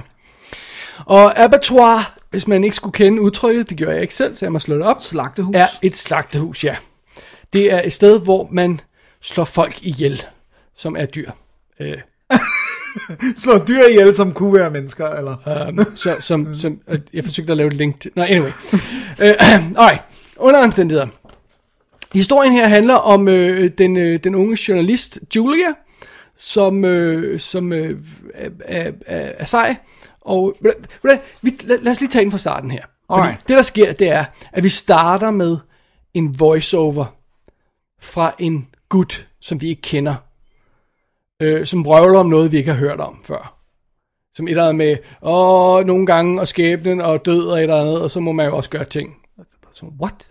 Nå, okay, fælder. Så starter vi filmen. Og så møder vi den her unge journalist her. Og så er vi på en avisredaktion, der ligner en parodi på 40 film. Og så sidder jeg og tænker, oh, what? Hvorfor er det? Altså, og, så, og så kommer, um, det er Julia, vi har i, i hovedrollen der, og så kommer hendes uh, kæreste, uh, politimanden Grady, med sådan øh, øh, 40-style ka- øh, kasket på, øh, du ved, øh, fedora, som, som, som ligner sådan en, en 40 øh, øh, og så man tænker, er, er, er det alvorligt det her, eller er, Ja, er, er det period piece, eller hvad right, er sådan, nej, det er det åbenbart ikke. Okay, alright, fair nok. Nå, men de har haft et eller andet forhold. Øh, og så senere, så, så, så mødes Julia med sin søster, som har en eller anden søn, der skal bruge en donor til et eller andet, fordi der er, fejl, der er noget, der fejler. Øh, altså, han er, der er noget en vej med ham, så han skal have en tran- transfusion, tror jeg, af sådan noget bone marrow, eller sådan et eller andet, whatever. Øh, og det er meget, meget mystisk det hele. Og så viser det sig, at, at øh, ham der betjenten der er, er sådan, de har haft sådan et forhold, men som muligvis har brudt hans forhold op, fordi det var en fære, øh, men det er lidt usikkert, hvad deres nuværende situation er. Jeez. Og efter den her start, så sidder jeg til og siger, okay, hvad i alverden er det, alt det her skal til for? Seriously, hvad fanden i helvede har Abattoir her gang i? Det kommer så, når vi har fået etableret alt det her løjse. For det, der sker, er, at Julias søster og hendes familie bliver brutalt myrdet. Og det er sådan, så hun får et opkald fra en gut, der siger, ja, tusind mange gange undskyld for det her, men jeg er altså blevet nødt til at slå din søster ihjel. I had to do it. Og så tonser hun hjem til søsterens hus og finder familien myrdet, sammen med sin kopven, som jo har med. Ja. Fordi hun kender ham godt, ikke? Præcis. Og han er der i huset endnu, ham morderen. Og han sidder bare der og siger, ja, det, ej, I'm sorry, der var ikke noget at gøre. Jeg er blevet til at gøre det. Øh, og så bliver hun, øh, okay, fint nok, hun er jo selvfølgelig øh, vanvittigt Knust deprimeret over, at, øh, at øh, kære, øh, hvad hedder det, søsteren og kæresten og barnet Ja, hendes nevø. er, er blevet slået ihjel.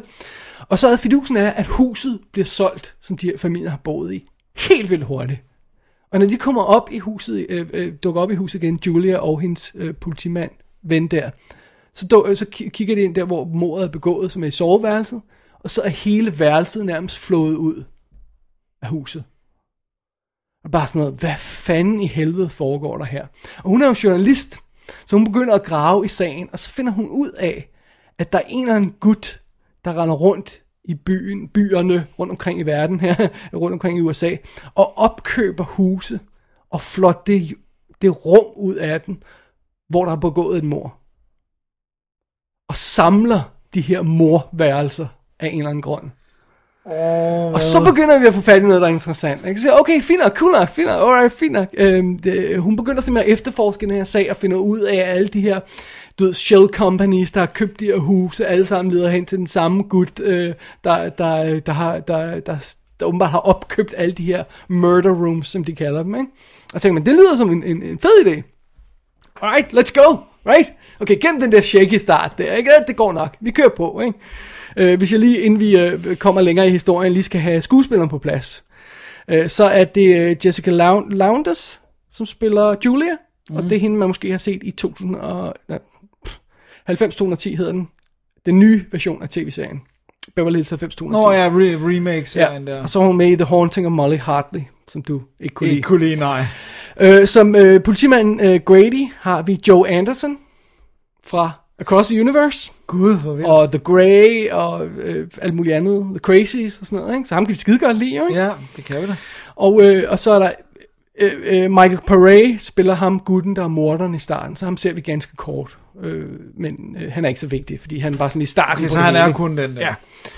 Så Fidusen er, så går historien i gang, og historien er jo så, at Julia skal efterforske en eller anden person, der samler de her murder rooms. Ja. Right, that's... Ja, det er setupet. Right, fint nok, ikke? Og det er så ham gutten, vi har hørt voiceoveren på i starten. Finder vi så ud af. Ja, senere. ham der køber værelserne. Ja. Okay. Øh, og så pludselig i det hele, så får hun et videobånd, som viser søsterens mor i det der værelse. Og, øh, og så øh, kigger hun på det her videobånd, og så finder hun ud af, at det er ikke det rigtige værelse. Fordi væggene hænger ikke ordentligt sammen. Så det her bånd, det stammer fra noget andet, end det, mør- end det øh, mor, der var i huset. Okay, men det er stadig hendes søster, hun kan se på båndet. Right. Okay, der, der, der, det er mystisk. Ja. Right. Så, så tager hun til øh, fængslet for at interviewe ham, morderen Michael Paré. Øh, og så er, er han filmet, sådan så at hans ansigt hele tiden er skjult. Sådan, som om vi kun ser munden, Ja. eller sådan noget, ikke? Uden nogen grund. Okay, Der er det ikke fuldt op på det nej, så senere. det hele er bare mystisk. Ja, og det var sådan, okay, okay, I havde et godt udgangspunkt, ikke? Okay, okay shaky start, I, I'll forgive that, ikke? Vildt cool koncept, og så går historien i gang, og så bliver den bare mere og mere rodet og dårligt fortalt og sådan noget. Så rejser hun til den her by, New English. For det viser sig, at alle de folk, der er blevet myrdet i de her rum, rundt omkring, som er blevet samlet, stammer oprindeligt fra den her by, New English, hvor øh, hendes familie også åbenbart Ja, det må stammer den fra. jo så være. Right. Ikke? Og så kommer hun til sådan en spøgelsesby, hvor alt er sådan mærkeligt. Du ved, det er værre end de her redneck-byer, som de støder ind i nogle gange, i sådan noget, hvor ingen gider kigge på folk, og, og, øh, og, og alt ser underligt ud og sådan noget. Ikke? Der, er ingen, der er ingen mennesker, og når der endelig er nogle mennesker, så går de bare sådan videre, uden at vil, som om de er nærmest spøgelser. Ikke? Det er de ikke bare, roligt, men, men spøgelsesby udtrykket er meget godt her. Ikke? Fordi de vil ikke reagere på, at hun snakker med dem. Øh, og, og så, så, så møder hun en gammel dame på et tidspunkt, som, som siger, ej, jeg kender ikke noget til sagen, og sender hende væk. Og to sekunder efter, så inviterer hende dame hende indenfor for at bo hos sig. Altså, det er bare noget råd, det her. Seriously. Hvor svært kan det være at fortælle sådan en historie? Jamen, det er fordi, det er en kunstfilm, David. I don't know. Det er sådan, det er sådan, han vil gerne lave noget David Lynchsk. Så kommer hun til den her by, øh, New English, ja, ikke? Finder ud af, at der, der foregår noget mærkeligt i byen, og så hører de et eller andet, der bliver konstrueret i skovene om natten. De hører sådan bankelyde, ikke? Og vi begynder sådan at lægge to og to sammen. En masse værelser, der er blevet taget, noget, der bliver pakket sammen. Der er en eller anden, ved- der er ved at konstruere et eller andet af de her murder rooms, ikke? Også så meget, Ja. tror jeg godt, jeg kan afsløre. Det er sådan, Ja, ja, det giver meget god mening. ligger lidt i kortene, ikke? Øh, og, og, og, og, det, kunne, det kunne være meget cool, sådan set, ikke? Øh, det, det, et eller andet, jo en eller anden gut, der, der samler det af en eller anden grund, ikke? Men jeg ved ikke, hvorfor alt skal være så dårligt fortalt, og så akavet, og så off, og så underligt, og så... Altså, det der med, bare det der med, at, at, at man inden for en scene har sådan en selvmodsigelse, og hun bliver sendt væk, og så bliver hun inviteret inden for to sekunder efter, uden der er nogen tydelig Forklaring grund til den her skift, ikke? Altså, det, det, det ender jo med at være en meget cool historie et eller andet sted, men den abattoir her er simpelthen så dårligt fortalt. Øh, og, og, og, problemet er, bliver, jeg tror ikke problemet, øh, filmens problem er tydeligt illustreret, end at når vi endelig møder bad guyen, som er skyld i, at alt det her sker, så skal han tre gange stille sig op og lave exposition og forsøge at forklare, hvad det er, han gør. Og det er stadig ikke tydeligt, hvad det er, han gør efter de tre gange. Altså, jeg forstår simpelthen ikke, hvad det er, Wow. han, der sker i filmen. Så, der, det, er, så det er sådan også lidt, det lyder som om det også er lidt supernatural på en eller anden måde. Ja, det, det, det er supernatural, men altså, det, han, han siger jo selvfølgelig, hvad er, han gør, og hvorfor han gør det. Men, men, men jeg sidder sådan med, hvorfor skulle det, du gør, have den effekt, Ja, som ja, du tror, det har? Hvad, hvad er forklaringen på det? Fordi den får ikke sat sine regler op. Øh, der er så mange underlige ting i filmen, og folk re- reagerer så underligt. Den her halvspøgelsesby, vi havner i, er så underlig. og Det, der foregår ude i skoven, er så underligt. Den forhistorie, vi får gravet op, er så underlig. Det hele er så underligt. Og, og, og så kommer øh, ham der gutten hele tiden, bad guyen, og forklarer dig. Nu skal I bare høre, ah, det er det her, der sker. Ah, Ja, ikke spor klogere, når det er overstået. Og så kommer han tilbage. Ah, nej, nej, nu kommer der mere forklaring her, ikke også? Oh my god. Og så come on! Ej, det er et ærgerligt. eller andet sted undervejs i Abattoir, der er der sådan en eller anden cool historie. Men den er simpelthen så klodset og tjusket og ulogisk fortalt, den her film. Så det... Der er også nogle meget cool elementer øh, til slut, øh, når vi finder ud af, hvad det handler om, det hele. Ikke? Men, men det, helt, det, det, det bliver ved med at være klodset og akavet og dumt og tåbeligt. Det irriterer mig virkelig. Ja, fordi det lyder, det lyder vir- udgangspunktet lyder virkelig cool. Ja, og det ender med bare at blive noget vrøvl. Okay. Og, og når det er noget vrøvl, så er det utilfredsstillende at se. Ja. Ja. Og så kan det godt være, at der er nogle cool idéer begravet et sted i filmen. Ja, men de skal jo frem i lyset. Right, ikke? Så jeg ved ikke, om der skulle en ny forfatter på. Det skulle der i hvert fald. Jeg ved, at det skulle muligvis også en ny instruktør på. Så kunne man muligvis have fået Abattoir til at virke ordentligt. Men som det er nu, der er det altså bare... Plus, at den, ja, den laver det der at den er ikke helt sikker på, hvad det er for en slags historie, så det starter sådan, lidt- du ved, der er sådan lidt seriemorderagtigt over det, og så bliver det sådan lidt spøgelseshistorie, så bliver det sådan lidt religiøs kult, så bliver det noget tredje, og så ender det sådan noget helt femte, ikke? Ja. Det er tjusk. Det er, Det er sgu ikke godt. Ja. Så når jeg siger, at den måske muligvis har premiere i biografen her i december i USA, så, så har jeg sådan en at det kunne godt være, at den bliver afløst, og aldrig rigtig kommer, og så bare ryger ud på VOD. Nu må vi Åh, se, ikke? Så det er det. Så det er det. Men den er ude på øh, Abattoir her på engelsk DVD på nuværende tidspunkt, og Blu-ray med kommentarspor og cirka 10 minutters øh, making of. Og den har været ude i nogle uger eller måneder, så, så den, den, hvis man vil se den. Ja. Altså, Jeg, det er jo sådan, det er vildt underligt. Jeg vil jo gerne se den sådan, for det der lyder cool, men jeg har virkelig ikke lyst til at se den for alt det andet jo. Nej, det, det er så underligt, altså. Damn. Det er sgu lidt ærgerligt. Right. Så det var, det var min øh, gyserfilm her. Jeg, havde, Ja. øh, jeg synes ikke, jeg havde så forfærdeligt meget mere held, end du har haft med dine. Nej, det, det vil jeg sige, men, øh, men jeg er glad for, at du tog en for the team. Exactly. There we go. Det er redaktionen glad for her. Ah, there we go. Så, Har du øh, dagens sidste film, Dennis? Det tror jeg vist nok, jeg har ifølge programmet i hvert fald. Alrighty. Og det er også en biffilm. Ah. Og det er en tegneserie, filmatiseringsfilm. Is it? Så den passer jo meget fint ind i det, jeg har lavet de sidste mange måneder. Oh, right. Så jeg har været inde og se Doctor Strange. Og øh, lige sådan setup, det er den 14. af de her Marvel Cinematic Universe film. Hvad er den første? Er det Iron Man? Det er Iron Man, ja. Ja. For det de ligesom betragter som MCU og runnet. Øh, jeg giver også en full disclaimer, vi har snakket om det før. Jeg er ikke specielt begejstret for, for Marvel-filmene, sådan overordnet. Der er flere af dem, jeg godt kan lide, men, men jeg kan for eksempel ikke lide Iron Man og sådan noget. Der, der er flere af dem, jeg ikke synes fungerer. Øh, og så er Doctor Strange noget, jeg har læst, men ikke noget, jeg har sådan stor dyrket. Øh, Jeg tror aldrig nogensinde, jeg er faldet over Doctor Strange på noget tidspunkt. Altså Det er andet end, sådan- at jeg ved, at han eksisterer. Nej, det er jo Steve Ditko, der har stået bag, som øh, øh, også er, øh, står bag Spider-Man sammen med, med, den står han så sammen med Stan Lee, ikke? Men, men det her, det er i høj grad øh, Ditko's øh, thing, øh, og de ting, han var fascineret af og sådan noget. Og så, øh, så faktisk skabelsesmyten kom først senere. De gik sådan meget, øh, i starten så var det bare sådan, "Nå, nu er der en ny karakter, og nu ser vi, hvad der sker med ham og sådan noget. Og så lige pludselig skulle han have den der origin story, og det er så især Stan Lee, der står bag den. Der skal jo være sådan en eller anden, så skete der det, ikke? Så jeg går ud fra, at vi også skal have en origin-historie i den her Det skal film. vi nemlig her. Ja. Ja. Fordi at øh, filmen starter med, at vi bliver præsenteret for det her øh, Secret Society-agtige, som ligger oppe i Nepals bjerge, øh, og øh, hvor der er en gut, der bliver slået ihjel for hugget hovedet af, og der er en bog, der bliver stjålet, og det er altså Mads Mikkelsen, der anfører de her, der, der stjæler bogen. Han hedder Kai. Og øh, så, så er der så en battle mellem ham og hans håndlanger, og så en, øh, en der virker i sådan en gulddragt, som er The Ancient One, som er super cool og bliver spillet af Tilda Swinton og kan alt muligt sejt. Og øhm, så møder vi så Stephen Strange, spillet af Benedict Cumberbatch, som er en øh, super dygtig øh, hjernekirurg, men også et røvhul. Og øh, du ved, han er arrogant, og han er sådan, jeg er den bedste i verden, og bla bla bla. Og han er så ude for et biluheld, hvor begge hans hænder bliver fuldstændig smadret, så han får et eller andet med 18 øh, sådan søm, eller hvad det skruer ind i hænderne, og hans nerver er smadret, så han, nu ryster han på hænderne, og vi har lige set, at det kræver jo en steady hand at være hjernekirurg, hvis han skulle være i tvivl om det. Og, så, øh, og, og han gør så, han er villig til at gøre alt for at regain øh, selvfølgelig øh, øh evnen til at bruge sine hænder. Og han hører så om en, der var lam for livet og ned, og som, hvad hedder det nu, øh, på en eller anden måde fik lov til at, eller kom til at gå igen, selvom hans ryg var skrevet over.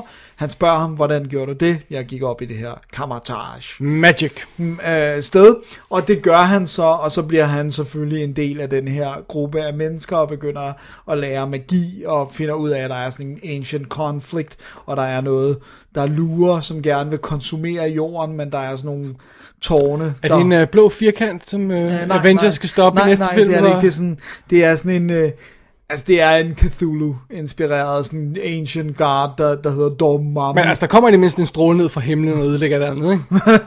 nej. Ellers er det virkelig meget, Nej, film. nej, nej, nej, det er sådan noget blot, eller det er, sådan et, det er mere sådan, sådan et tæppe, eller sådan, der vil konsumere hele jorden. Men hvad mener Nick Fury om det her? Han er ikke med. Fordi det, der gør, at det her er en, en, en, øh, en, en helt klart i den aller... Eller jeg vil sige det sådan her, fordi jeg har diskuteret det selvfølgelig med, med Marvel Morten jo, at jeg synes øh, klart, at det her er den bedste af alle Marvel-filmene. Både øh, håndværksmæssigt, men også historiemæssigt.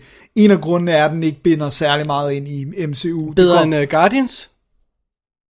Uh, you got me there. Okay, de er side om side så.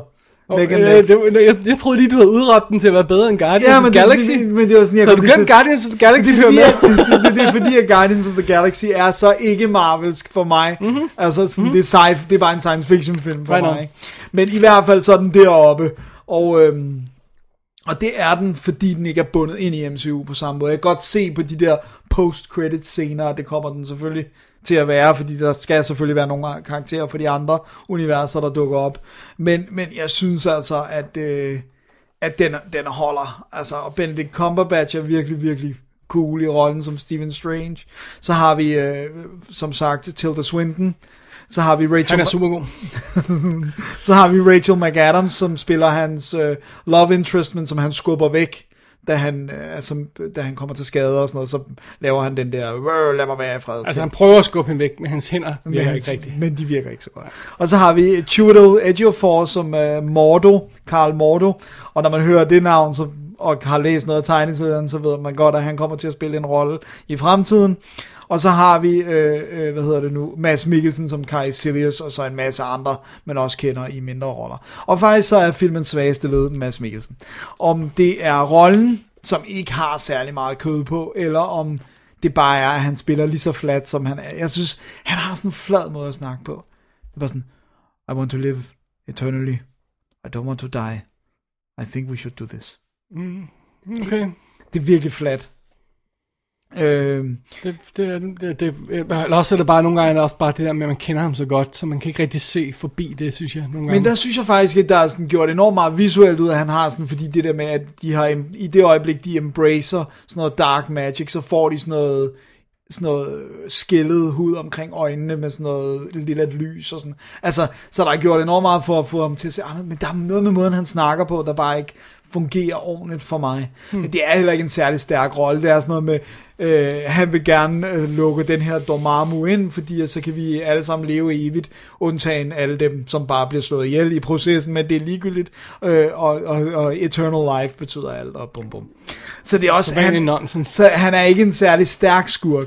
Så det, der fungerer godt, det er mere det der med, det er virkelig, og det er jo så helt tilbage fra tegneserien, det er nogle virkelig fede koncepter, der er omkring, hvad magi er, og de her multiple universes, som man kan trække kræfterne fra, og så visuelt, altså mindblowingly fucking awesome. Det er et Escher-maleri, hvor alting sådan, og du ved, altså folk siger sådan, det er ikke Inception, der har fundet på det der med bygninger, der kan, altså det er jo også det, der er i Labyrinth, når de er inde i labyrinten, hvor så lige pludselig er der trapper oppe og nede, og sådan, og det er jo i virkeligheden, altså der er en, den her kunstner, der hedder Escher, der laver de her malerier, men den måde, det er lavet på her, også fordi computereffekterne har selvfølgelig rykket sig fra Inception og, og frem til Doctor Strange, jeg synes virkelig visuelt, at det fungerer mega cool. Altså, og den her måde med, at de genererer våben med deres magi, som sådan noget glødende, de kan sådan trække mellem hænderne og sådan. Jeg synes virkelig visuelt, at det var fedt at se på. Hmm. Og det er jo Scott Derrickson, der har instrueret den. Det er ham, der også har instrueret Deliver Us From Evil og Exorcism of Emily Rose. Øh, Nå, nej. Ret vildt, at han har fået, altså, de andre film har jo været relativt små, men nu har han altså fået lov til at lave noget, noget kæmpe, kæmpe stort. Øhm, De elsker at hive de der små indie-instruktører ind til at, til at lave det. og jeg synes også, det giver noget, fordi at som regel, så vil det jo alligevel være special effects teamet og action-instruktørerne og sådan noget, som, altså second unit og sådan noget, som overtager på mange af de der ting. Men så har de nogen, der kan instruere skuespillerne. Jeg synes egentlig, det giver meget god mening. Øh, Ikke at jeg siger, at en stor instruktør ikke kan finde ud af at instruere skuespillerne, men, men måske er der også noget med, altså, altså ved Marvel, at der ikke er nogen, kommer til at være nogle problemer med nok mere det. egoer Tror jeg mere, du har fat i den rigtige der. øh, men, men i hvert fald, så er det ekstremt vellykket, og jeg synes, det er virkelig fedt, at de har filmet alle de her steder, så vi har, den føles, på en eller anden måde, så føles den også større i scope end mange af de andre, det der med, vi er i London, vi er i New York, vi er i Nepal, vi er i bjergene, vi er i byer, vi er i Hongkong, og sådan, og så bare det der mega fede magi. Altså, det er så cool, og det føles bare, det føles som noget andet, end de der Marvel-film ellers gør.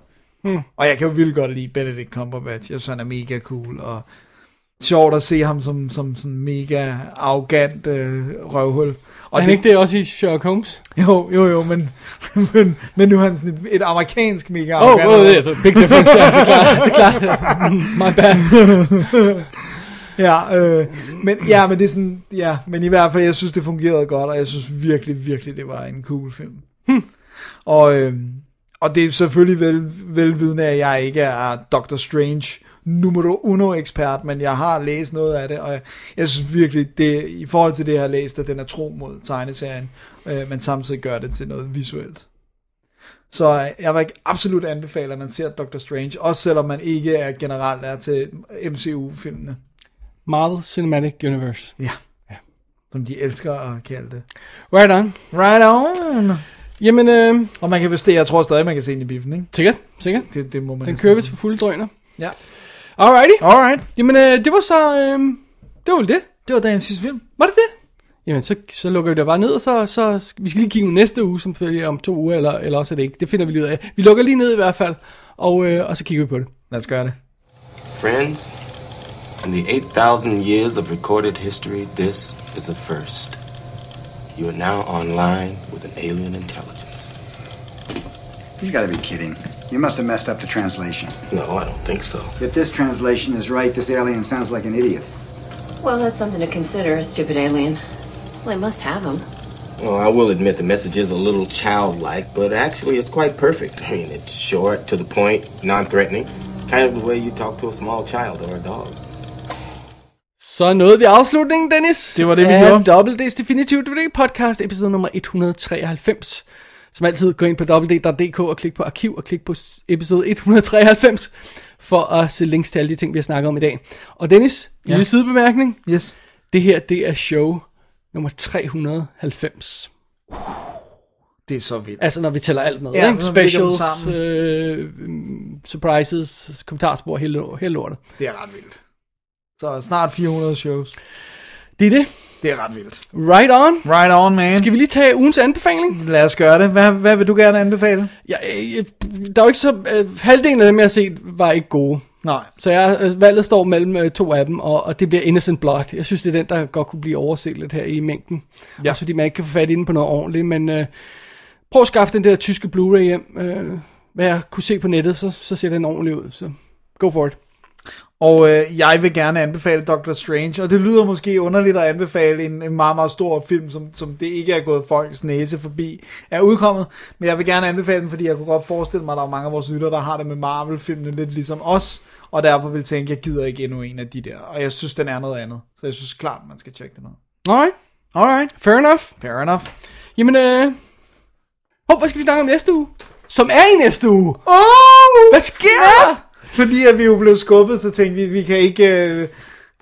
Ja, fordi vi begynder at ramme ind i julen snart, så det er sådan Ja. noget, men vi kan ikke tillade os at rykke alt for mange shows. Så det vi gør, det er, at i næste uge, om en uge, laver vi altså et lille show. Ja. Vi lige anmelder et par film, og så for at der skal være lidt ekstra guf for lytterne, hvad gør vi så mere? så tager vi fat i tv-serier, som vi enten har set færdig, eller er i gang med nu, men som, som vi gerne vil gøre opmærksom på og snakke om og sådan noget. Og, og jeg kan afsløre, at jeg har rent faktisk set noget dansk tv. Jeg, altså jeg, jeg er jo, som vi har snakket om før, kommet godt i gang med tv-serien og ser en masse spøjse ting. Du er gået helt amok. Som Dennis han, han roer af mig nogle gange. Hvor finder du den der henne? Det er mere, hvordan du falder over det ja, der. øh, det, jeg, jeg kan ikke huske, øh, øh, hvor Det er jeg... lidt ligesom, det det er lige før, vi bliver nødt til at genopleve serieaften. Altså som i de gode gamle dage. Åh, oh, gode gamle dage.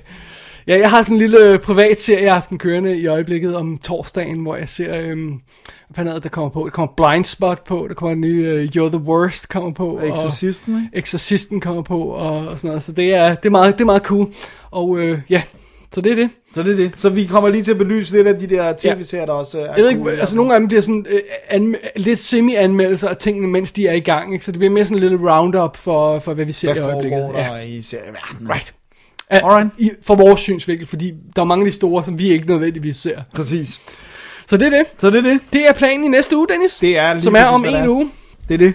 Som er om en uge. Ja. Fysisk om en uge. Simpelthen. Fantastisk. Hvis ikke nogen bliver syge. Præcis. Eller Donald Trump blander sig. Præcis. Og gør Vi håber, podcasting ulovlig. Det er det. Det kunne godt ske. Det kunne godt ske.